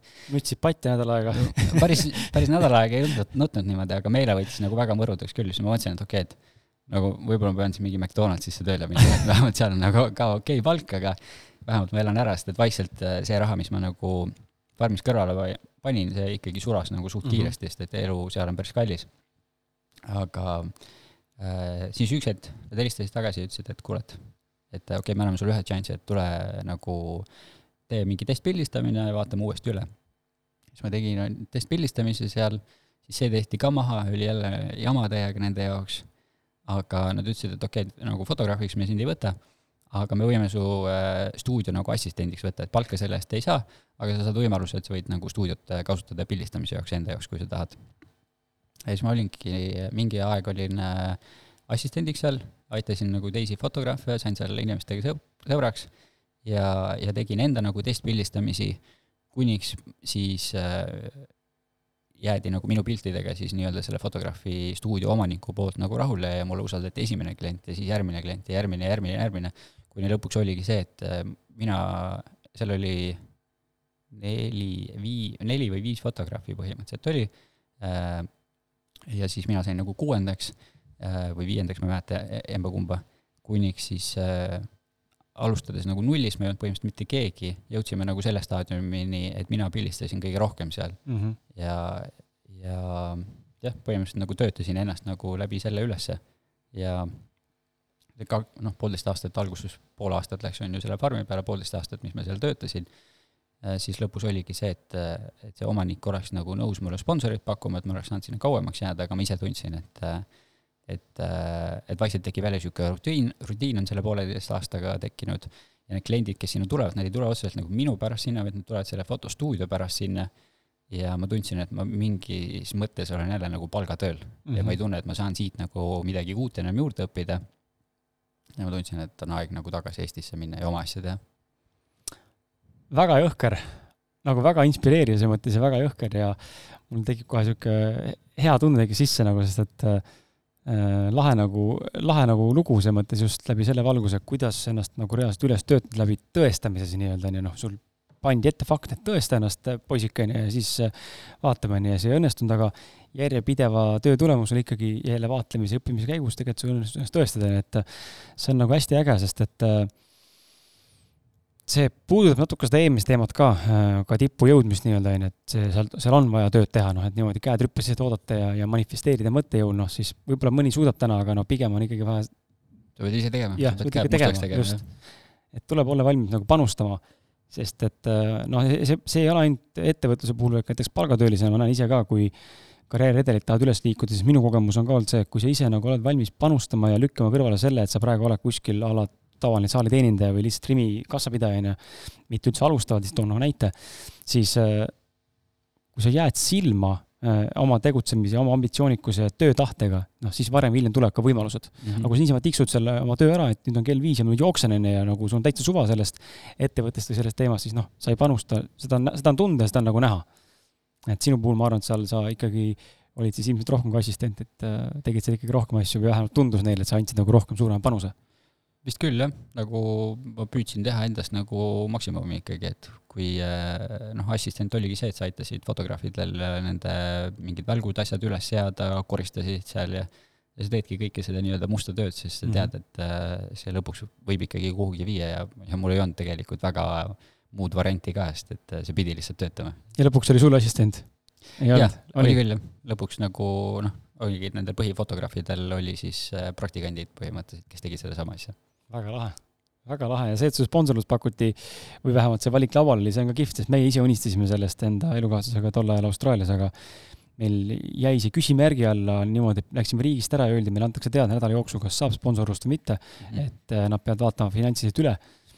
aga siis juhtus niisugune asi, et see farmi omanik oli uusmeremaalane äh,, läks vangi mm. Äh, ja siis sinna see jäi kuidagi, et tegelikult me olime valmis tagasi minema, sest me mhm, tegelikult, me tegelikult tahtsime jääda, siis meile nagu väga meeldis ja meeldib täna siiani, et kui ma peaks, kui riigid lahti tulevad ja mul on mingisugune rahaline puhver tekkinud, siis me lähme van life ima sinna kindlalt, et koos lapsega seekord täna siis, onju, et aga mhm. täiega see riik meeldis ja, ja kuidagi nii mõnus vibe oli seal, et aga see sponsorlus jah, et see on huvitav asi, et seda paljud tegelikult tahavad ja jälle sa suutsid olla nagu sina ise ja saad aru sellest, et tegelikult siin on mingil määral nagu rutiin tekib ja on kastipanek, heaolu on kihvt, on ju, elu on korras, tipp-topp, riik on soe, rahvas on rõõmus, on ju, töö on ka kirjaga seotud, aga, aga et siin ei ole nagu arengut enam. Mm. -hmm. see on jälle jul-, julge samm, sest et enamik, kaasa arvatud mina ise, oleks see, et where do I sign, on ju, ma ei tahagi tagasi minna, et äh, ei, see on väga äge no minu jaoks mängis rolli see ka, et ma ei tahtnud oma perest nii palju eemal olla, sest et mm -hmm. seal on, oli minu arust mingid kohustused, et sa pead, see oli kaks või neli aastat, sa pead nagu sellesama konkreetse tööandja juures nagu töötama, et see, et see viisa siis kätte saada, aga ma tundsin, et see on nagu päris pikk äh, töösuhe äh, kellelegi nagu ära lubada, et ma ei tea, mis elu mulle toob ja ma tundsin, et ma suudan nagu rohkemat kui lihtsalt kellegi jaoks kuskil mm -hmm. stuudios tööd teha. täiesti arusaadav küsin siia vahele sellise asja, et äh, kui sa vaatad üldse enda fotograafia valdkonda nüüd ja, ja seal tegutsemist, inimesi, kellega sa oled koos töötanud ja, ja pilte, mis sa oled teinud, ma ei tea, kuskilt, kuskilt käis läbi oma sissejuhatust, üritasin kirjutada, siis täitsa pekkis podcast'is äh, vist sissejuhatuses mainiti ära, et sul on üle kahe, kahe miljoni äh, pildi ei tehtud või ma ei mäleta, palju see, ma ei tea, mis see arv täna on, aga väga palju, selles mõttes tohutu, tohutu maht, on ju. et mida on fotograafia sulle sinu enda elu kohta õpetanud? Äh, ma arvan, et äh, ta on andnud mulle väga palju julgust ja väga palju nagu uusi võimalusi, asju, ma arvan, et äh, ilma fotograafiata ma ei oleks ka täna siin üldse kuskil. või noh, kuskil ikka oleks, on ju, aga, aga mitte selles hetkes, kus ma praegu olen. et põhiline, mis ma nagu fotost võtnud olengi, on, ma arvan, julgus ja see, et et mul on see üks asi, mille poole nagu püüelda või siis mille millega nagu tööd teha. aga julgus, mis mahus, nagu mis, mis, mis vaatenurga alt julgus, et teiste inimestega suhelda või võtta vastu uusi väljakutseid või? kõik see, ma okay. arvan jah, kõik sellega seonduv, et äh, ma tunnen, et see on nagu andnud mulle koha siin elus põhimõtteliselt mm, -hmm. võiks öelda ähm, mind huvitab äh, ka selline, selline punkt äh, sinu juures veel, sinu mõtteviisist ja sinu nagu tegutsemisest, et või üldse inimesena ähm, on sul mingeid kiikse äkki, siukseid ägedaid kiikse? püüan ka enda peale nagu mõelda, et mis mul näiteks need kiiksud on, aga ehm, noh, just siukseid kiikse, millest ei ole suutnud nagu osata mööda vaadata ehm, või, või mis on aidanud sul või vastupidi, kuidagi äh, alateadlikult sinu maailmavaadet ja sinu tegutsemist äh, suunanud, mõjutanud? No ma arvan, et üks kiiks, mis meil mõlemal on, ongi see, et äh, vastuvoolu minek näiteks mm. -hmm. ma mäletan, et kui ma äh, mõtlesin äh, millise kaameraga nagu pildistama hakata, siis oli valik, kas minna Canoni peale või Nikoni peale. ja Canon oli nagu selgelt kõige populaarsem, siis mul oli, et ma ei taha Canonit. lihtsalt sellepärast, et kõigil on see.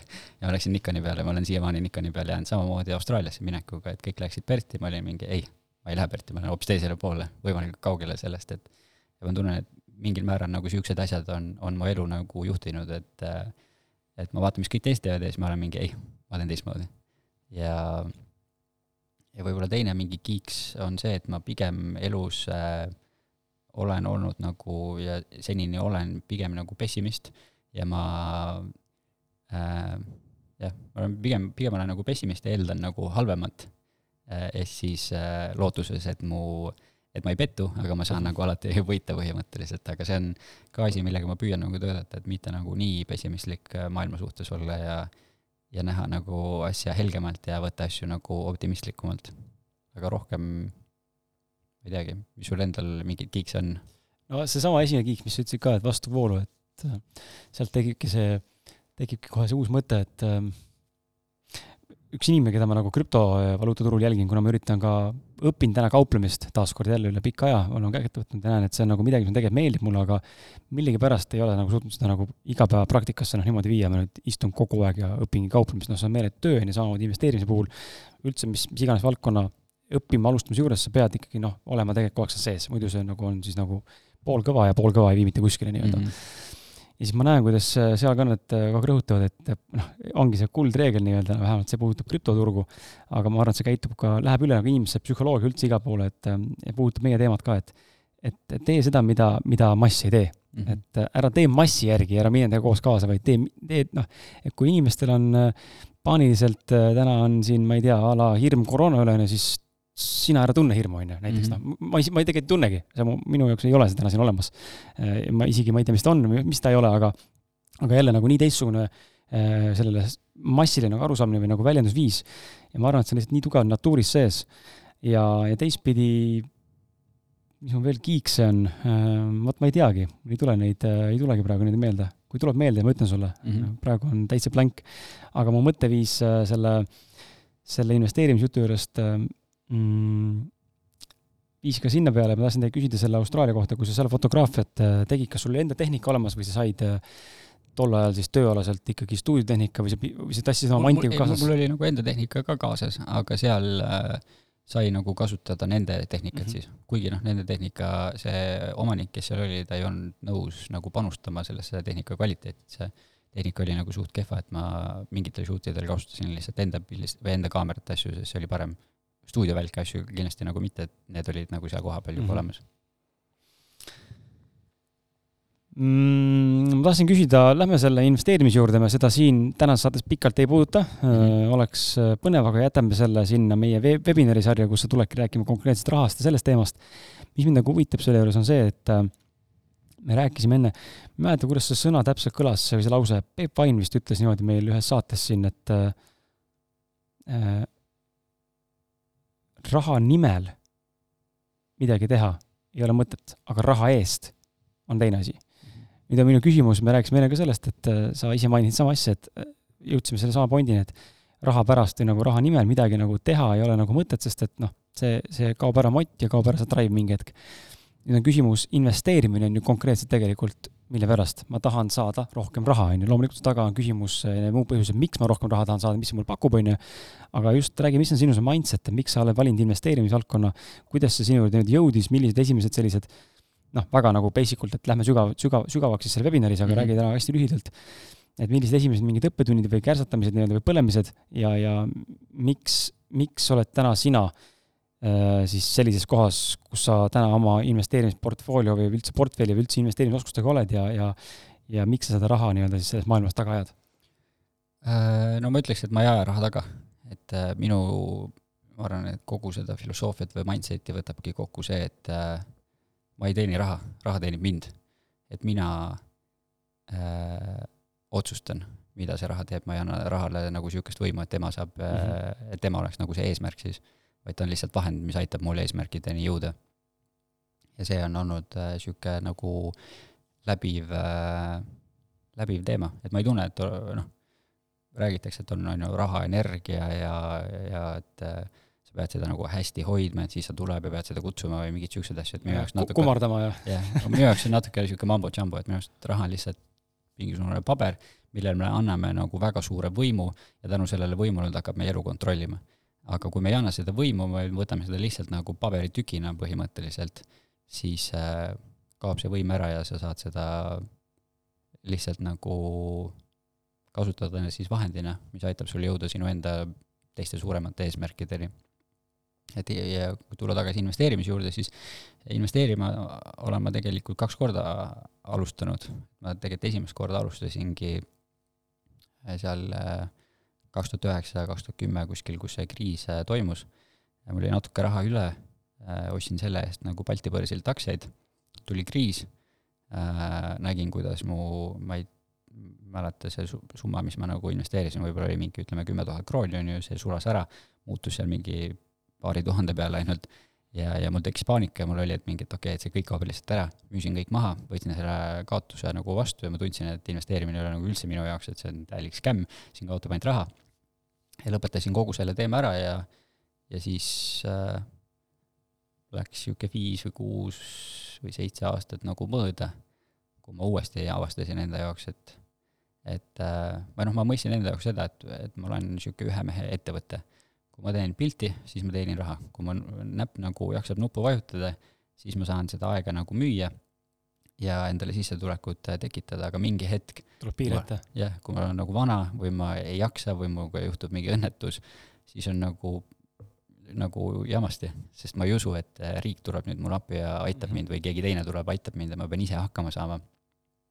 ja, ja siis läbi selle mõtte ja selle arusaamisele ma jõudsingi, et okei okay,, ma pean hakkama investeerima, sest et et see on ainu-, ainukene nagu alternatiiv, mis ma nägin, kuidas ma saan panna raha teenima ennast ja, ja äh, ma ei näinud, et ma saan kuidagi oma nagu fotograafi tööd siis nii-öelda nagu suurendada, et ma võtan enda alla veel mingid fotograafid, kes töötavad minu jaoks ja kasvatan, skaleerin seda suuremaks, et see ei ole nagu päris selline äri, mida teha saaks, sest kui inimene mind tellib pildistamist, ta tellib ikkagi mind, mitte mm -hmm. nagu noh, minu brändi siis otseselt nagu ei telli, et, et tuleks mingi teine fotograaf minu, minu brändi nii-öelda esindama. ja siis ma tundsingi, et ainuke variant, kuidas sellest äh, lõksust või siis sellest tulevikust nagu välja saada, ongi äh, investeerimisega alustamine. ja, ja siis niimoodi ma nagu vaikselt alustasin, et ma enne, kui ma reaalselt üldse midagi tegin, jõhkralt palju lugesin jälle samamoodi foorumites äh, raamatuid, igast asju püüdsin seda nagu infot koguda, kuni üks hetk käis plõks, et okei okay,, et ma võin ju lõpmatuseni lugeda, aga kui ma reaalselt midagi ei tee mm, -hmm. siis reaalselt midagi ei juhtu, et samamoodi äh, ettevõtluse või ükskõik mille alustamisega, et ma võin ju nagu hullult teooriat teha, aga kui ma ei tee seda esimest sammu, siis ma ikkagi ei jõua mitte kuskile. ja, ja siis ma tegingi oma esimese sammu. hakkasin ühisrahastuses vaikselt toimetama ja nii ta nagu ongi vaikselt kasvanud erinevate varaklasside näol, kuni kuniks nüüd ma olen siin, kus ma võin öelda, et ma olen äh, saavutan nagu niisuguse rahalise sõltumatuse. aga ka see ei ole nagu niisugune, et et sa oled punktis A ja siis punkt B on rahaline sõltumatus ja nüüd on finiš ja kõik on nagu korras, vaid pigem see on niisugune kestev protsess, mis tegelikult äh, ei jäägi seisma, vaid lihtsalt liigub kogu aeg edasi.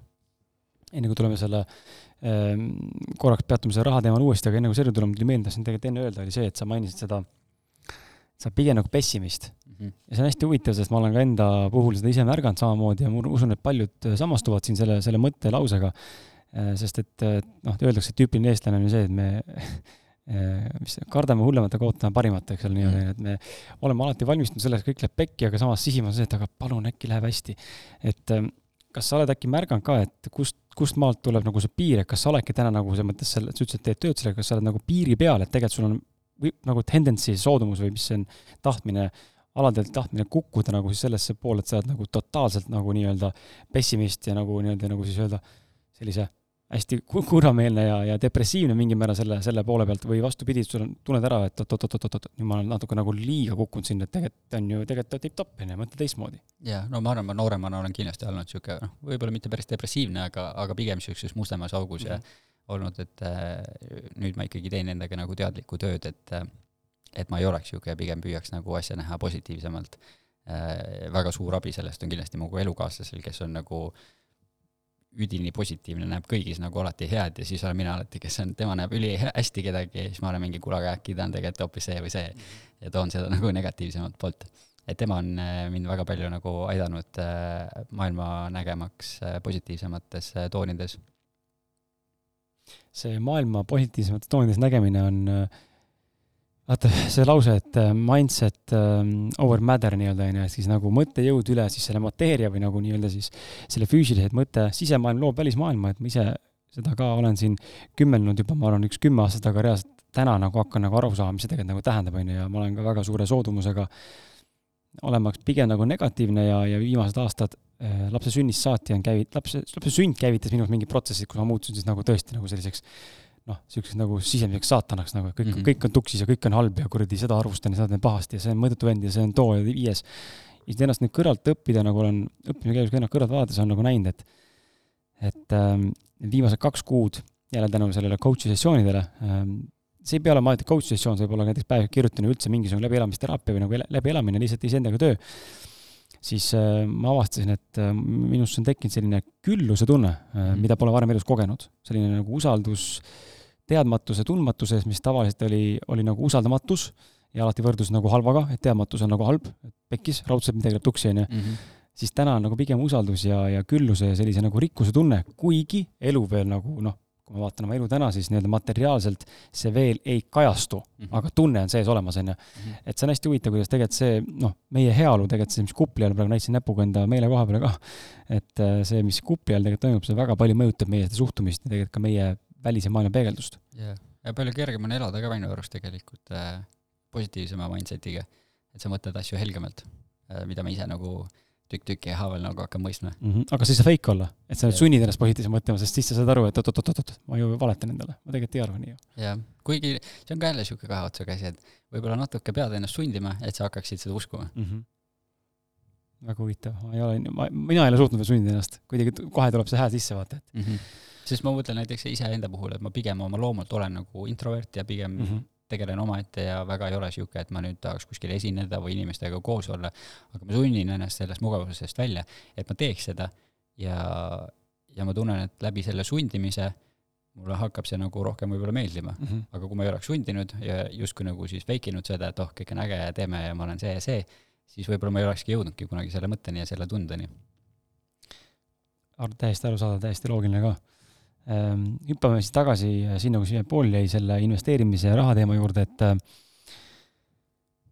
ehm, see on hea näide, mis sa tõid, eh, just läbi selle, et sa põlesid, vaata nii-öelda, tekkis hirm, eks ole, noh, tead, ma oletan, et see oli teadmatusest, on ju, sa ilmselt oli vähe infot ka alguses võib-olla ja, ja polnud ka kogemust ja, ja mis iganes veel mm. -hmm. võib-olla lihtsalt halbade kaartide kokkusattumine ja kõige muu, aga ma ise just siin üleeile või millal see oli nüüd siin, kus nägin jälle, kuidas äh, noh, täna on väga suur äh, jutt on täna siin igal pool, kõik räägivad Bitcoinist, eks ole, krüptovaluutast nii-öelda, on ju, ja Bitcoin osta siit, osta toda, osta viiendat, investeeri sinna, see on digitaalne kuld bla, bla, blablabla, on ju. Mhm. et hind läheb lõpmatuseni, on ju, äh, mis ta võibki minna väga suureks, aga aga mingi hetk peab tulema ka mingisugune väike korrelatsioon, on ju, see on nagu tavaline normaalne turu liikumine ja krüptos muidugi on hästi volatiilne see, ja siis oli huvitav näha siin, et äh, äh, siin mingi aeg siin promoti, eks ole, siin, kui hind jõudis siin noh, siin paar päeva tagasi, kui me salvestame, sellest on kuu aega möödas, aga mingi hetk oli hind peaaegu kuuskümmend tuhat juba dollarit tükk ja siis äh, ühe küünlaga lihtsalt tõmmati kaksteist tuhat dollarit maha, onju. ja nüüd ma nüüd kujuta ette, hea kuulaja, sa investeerisid täna kaksteist tuhat eurot või dollarit, onju, ja nüüd äh, ühe päevaga sellest kaheteist tuhandest sai tonn, onju. noh, siis ilmselgelt sul tekib tunne, et see on skämm ja pettus, sest mm. sisenesid täiesti valel ajal võib-olla, onju, vales kohas, aga, aga kui palju tegelikult mõjutab äh, selline ebameeldiv kogemus, mis tuleneb teadmatusest ja kogematusest,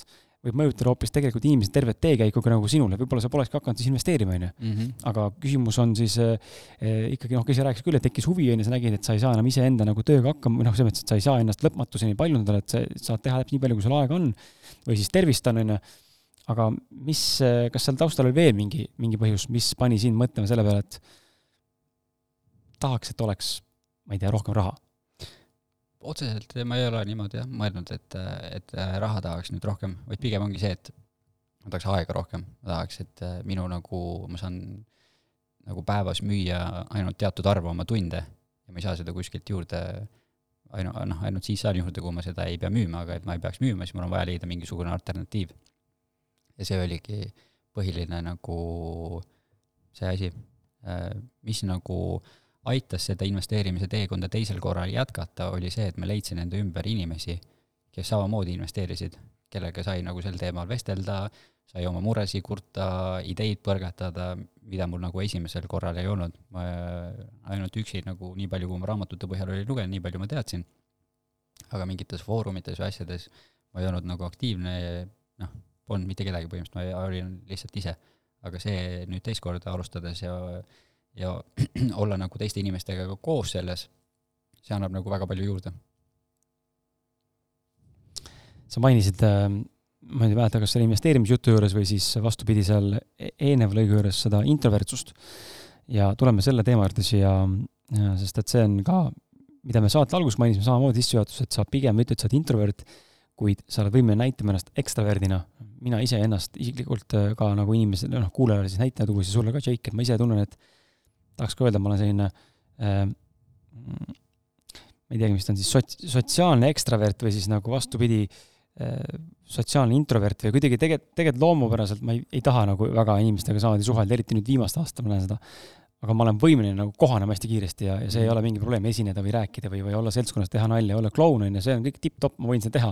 aga tegelikult sisimas ma tunnen, et minus on seda, seda alati lapsest saati olnud mingit nagu sellist sügavust või sellist nagu vajadust otsida midagi sügavat ja sellist rahulikku ja niisugust deep juttu ja sellist mõistmist ja arutelu ja vaikust ja loodust ja ja mu küsimus sulle on ka see, kust, kust maalt sa nagu mõistsid, et sa pigem oled äh, emb-kumb ja, ja oskad sa äkki analüüsida ka, mis on täna introverdiks äh, olemise eelised, vähemalt noh, sinu enda teekonna puhul olnud?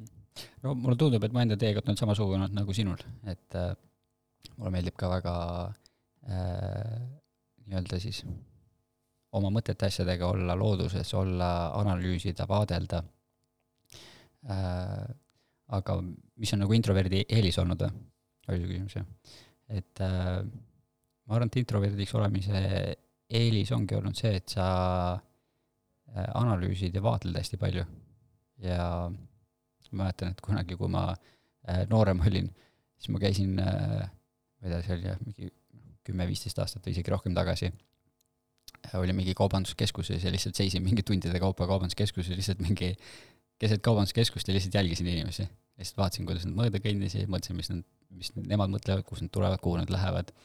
ja, ja sihuke nagu analüüsiv äh, vaatleja olen ma nagu terve elu olnud, aga mu pildistamistöö vajab nagu teistsugust äh, olekut, sest ma arvan, et kui ma oleks sihuke noh, introvert põhiliselt iseloomustatakse sellega, et ta nagu omaette, vaikne, analüüsiv, kuskil nurgas seisab, et kui ma olen selline fotograaf, siis ma ei lööks nagu, ma arvan, fotograafias läbi, sest et kui klient mu juurde tuleb, siis ta peab tundma ennast hästi, ta peab ennast tundma mugavamalt ja pigem äh, on äh, hea, kui seal on ikkagi niisugune, sellel pildistamisel on nagu energia taga mm. -hmm. seda, just seda ma õppisin nagu väga palju ka Austraalias, et et Eestis äh, noh, see pildistamiskultuur oli nagu hoopis teistsugune, et seal oligi see, et sul on väga korralik tempo taga, sa pead väga palju pilte tegema, sul peab olema nii, et kui sa pildistad klienti, sul peab kogu aeg silmside olema, sa ei tohi kordagi nagu maha vaadata, isegi kui sa nagu see noh, sul ei olnud isegi võimalust seda, et sa vaatad, kas see pilt tuli hästi välja või mitte, sa pidid kogu aeg äh, inimesega hoidma seda pinget nii-öelda. mis oli väga erinev sellest, mida ma Eestis üldse kogenud olin. aga, aga ma nägin, et see töötas Äh, ja, ja noh, ma ei kasuta seda ise nüüd Eestis võib-olla nii intensiivselt, et ma kogu aeg nagu silma peal hoian äh, inimesel, keda ma pildistan, aga lihtsalt ma hoian seda energiat ja asja ikkagi üles, et äh, inimene tunneks ennast nagu vabamalt, tunneks, et oh, see on rõõmus, see on äge äh, pildistamine, versus see, et ma oleks kuskil nurgas ja oleks mingi, kuule, ma ei tea, poseeri, tee midagi, et mm -hmm see on äh, lahe kuulata, kuidas töö, töö nii-öelda või nagu eriala või kirg, mis sa valid, et see, see toob sinus nagu selle, või noh, ta sunnib mingil määral, eks ole, aga teistpidi avab selle poole, kus sa siis saad kogeda seda ekstravertsust, kus tegelikult, mis sa tegelikult võib-olla päriselt sina nii-öelda justkui nagu loomupäraselt ei oleks siin iga kord mm. -hmm. Miks ma seda introverti asja nagu, mis mulle meeldis, miks mulle see meeldis ja see mõte nagu tekkis, oli ka sellepärast, et või see küsimus siia sisse on pandud, sest et äh, noh, mulle tundub, et ühiskond mõistab introvert natuke teistmoodi, nagu valesti, valesti või õigesti nagu vale öelda, aga me saame nagu erinevalt aru sellest, kui me räägime sellest, mis on introvert, on ju, ja hea on, kui teinekord keegi nagu reaalselt kirjeldab, mis see nagu tähendab ja, ja kuidas tema on, sest introverte on ka erinevaid ja no ongi väga ekstreemsed introverdid, keda sa kirjeldasidki ja võib-olla veel võimendatud versioonis, kes tõesti noh, ühtegi sõna ei räägi või kuskil mm. väljas ei käi ja kui palju sa üldse seltskondlik, seltskondlik oled, selles mõttes peod, asjad või mingid ühisüritused, istumised või mingisugused külaskäigud või? vähe, no ütleme nii, et kooli ajal ma ei, ma ei joonud, ma ei suitsetanud. Äh, see nagu tõmbas mu sotsiaalsele elule mingil määral nagu kriipsu peale, sest ma ei olnud fun kellega mm -hmm. nagu koos olla. ja minu nagu sihuke sõprusringkond ongi väga väike, põhimõtteliselt mul ongi ainult kaks sõpra. ja, ja siukseid nagu väljas käimisi asju pigem ei ole, aga, aga siin mängib ka rolli see, et ma väga suure osa oma tööelust olen nagu klubides pildistanud, kogu aeg üritustel ja asjadel käinud, siis äh, no mulle loomupäraselt see ei meeldi, aga töö jaoks oli vaja teha, siis ma tunnen, et tänu sellele olen ma väga nagu ära kulunud mm -hmm. mingi sotsiaalsetest üritustest, asjadest, ma pigem äh, eelistan äh, üks-ühele vestlusi või niisuguse väga väiksema grupiga äh, sügavamatel teemadel, filosoofilistel teemadel arutlemist, kui seda, et kuskil kokteili õhtul, ma ei tea, rääkida päevapoliitikast või mingi siuksest asjast. tühja tähja nii-öelda, mis ei ole üldse vale, lihtsalt see on no meie, meie eelistus yeah. nii-öelda, et ma ei taha ka kuulaja kuidagi halvasti tunneks, kui ma siin ütlen tühja tähja, et see ei, see, et ta minu jaoks on tähtsusetu, ei tähenda, et ta sinu jaoks tähtsusetu on mm, -hmm. et see on, see on selle maailma võlu, et meil kõigil on õigus. mõni ütleb, et introverdid on imelikud, teine ütleb, introverdid on kõige lahedamad ja kummal õigus on, mõlemal on ju. Mhm. et see on nagu äge selle maailma juures. ei, seda on väga äge, äge kuulda, et ma just panigi muigama see, et introvert, aga käis klubis äh, pildistamas, onju, et aga noh, see oligi jälle olukord, kuhu sa olid pidanud, noh, ise olid ennast selles mõttes valinud sinna, aga see kasvatas nagu sind äh, selles suunas, kus täna oled. võtame siia lõppu äh, sellised küsimused nagu, asi on edu? kuidas sa defineerid edu enda jaoks ja millal on sinu silmis üks inimene edukas ja millal oled sina edukas? ma arvan, et see on hästi nagu lai küsimus, et seda on väga raske nagu ka kitsamaks võtta. Ähm, kui ma püüaks, siis ma arvaks, et edu, ähm, ma arvan, et edu on äh, rahulolu iseendaga. Ükskõik, mida sa siis teed, on see siis kas äh, tööalaselt, äh, eraeluliselt, vaimselt, mis iganes. ja et ma arvan, et edukuse ja rahulolu äh, aluseks ongi see, et sa leiad endale selle, mis sind huvitab ja sa teed järjepidevalt seda. ja, ja ma arvan, et nagu edu puhul ei maksa äh, kunagi võrrelda ennast nagu teiste inimestega, et kas nüüd äh, tema on edukam või tema on edukam, vaid pigem sa pead lihtsalt iseenda sisse vaatama, kas sa oled äh, parem, kui sa olid eile ja kas sul on võimalik saada paremaks, kui sa oled homme ja lihtsalt äh, arendada nagu iseennast. ja tänu sellele ma arvan, et kui me nagu arendame ennast, siis me tunneme ka niisugust äh, nagu saavutamise rahulolu ja see korreleerubki siis äh, võib-olla niisuguseks edutundeks äkki. ma olen nõus, et edu on, ongi peaaegu võimatu vist kirjeldada, sest et sellele saab anda nii palju erinevaid kontseptsioone ja nagu tähendusi, et kõige parem näide, mis aeg-ajalt tuleb nagu meelde või noh, selles mõttes nagu maailm näitab, on ka need no ütleme, lääne ja ida inimesed, on ju, et nemad on seal omast, no enda jaoks, ma arvan, edukad ja õnnelikud, on ju, ja me siin vaatame neid, mõtleme, et issand, kui kibestunud või jube elu, on ju. Mhm. aga ilmselt nad on õnnelikumad kui meie siin läänemaailmas, on ju. et selles mõttes on kõik väga defineeritav perspektiivi küsimus. Ehm, lõppu viimane küsimus, jaga, millised on sinu peamised väärtused, millele sa täna tugined, kas või üks, kaks? Mhm. see on ka jälle hästi sihuke mm -hmm. lai küsimus, et äh, ma arvan, et kõige kergem või äh, parem seda nagu lahendada on sellega, et äh, on raske nagu enda väärtusi nagu välja niimoodi konkreetselt tuua, aga kui ma mõtlen, et äh, kui mul, noh, mul ei ole praegu lapsi, aga kui mul oleks lapsed, et mida ma tahaks neile edasi anda, siis ma arvan, et äh, ma arvaks, üheks väärtuseks võiks olla see, et äh, et kõik on võimalik, kui sa ise tahad. et äh, sa pead olema nagu iseseisev ja, ja tugev ja mitte nagu äh, neatuma võõrastele inimestele äh, ja aga siia juurde nagu siduda ka see, et äh, pere on olemas ja, ja pere nagu on sinu nagu tugevus või kalju, millele saab nõjatuda, kui sa vajad abi.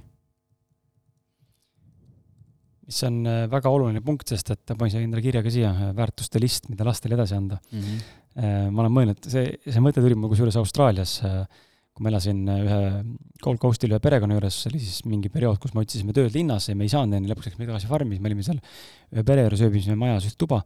see oli pereema kahe lapsega, üks oli nelja-aastane tütar ja siis vist, ma ei mäleta, üheksa või mingi kümneaastane poeg ja siis seal ma nägin äh, nii palju omadusi, mida nagu see ema on omale tütrele andnud ja oma lastele andnud, kui nagu intelligentsed nelja-aastane laps ja tütar on, et istuvad õhtul äh, laua taga ja siis üks sihuke pereharjumustest oli see, et äh, igaüks küsis siis nagu kellelt iganes tahtis, et what was the best part of your day, on ju. ehk mhm. siis ja kõik vastavad ja siis vaatad, kuidas nelja-aastane vastab, kuidas vastab ema, kuidas vastab mina, kuidas vastab see kaheksa-aastane poiss, on ju. Mhm. et mis talle meeldis päeva, mis talle meelde jäi, see memor-, memorable nii-öelda mälestus.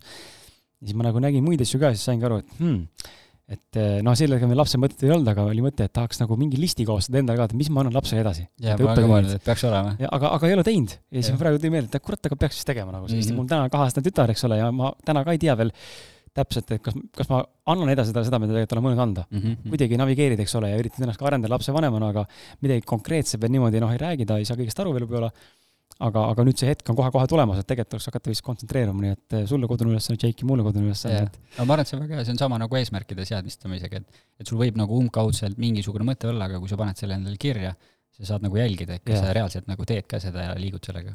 absoluutselt ähm,. aitäh sulle! aitäh, et sa kutsusid!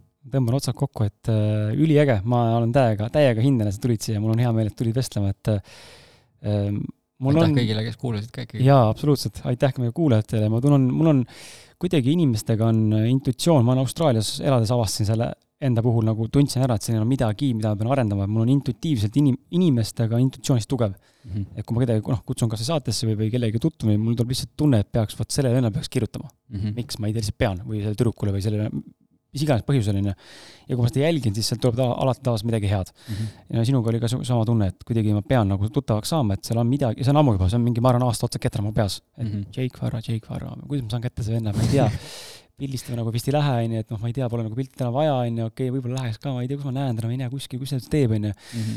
Ja, ja siis noh, nüüd lõpuks tuli see mõte, et kurat, ta kutsuks saatesse mm. -hmm. et äh, äge, ma loodan, et äh, meie vestlus ei jää ainult saatepõhiseks ja võib-olla õnnestub meil ka millalgi minna kas lõunale juttu rääkida, midagi teha Ehm, pinget peale ei pane sulle, ehm, aga, aga selles mõttes äh, kihvt, kihvt oled, et äh, aitäh, et sa jagasid.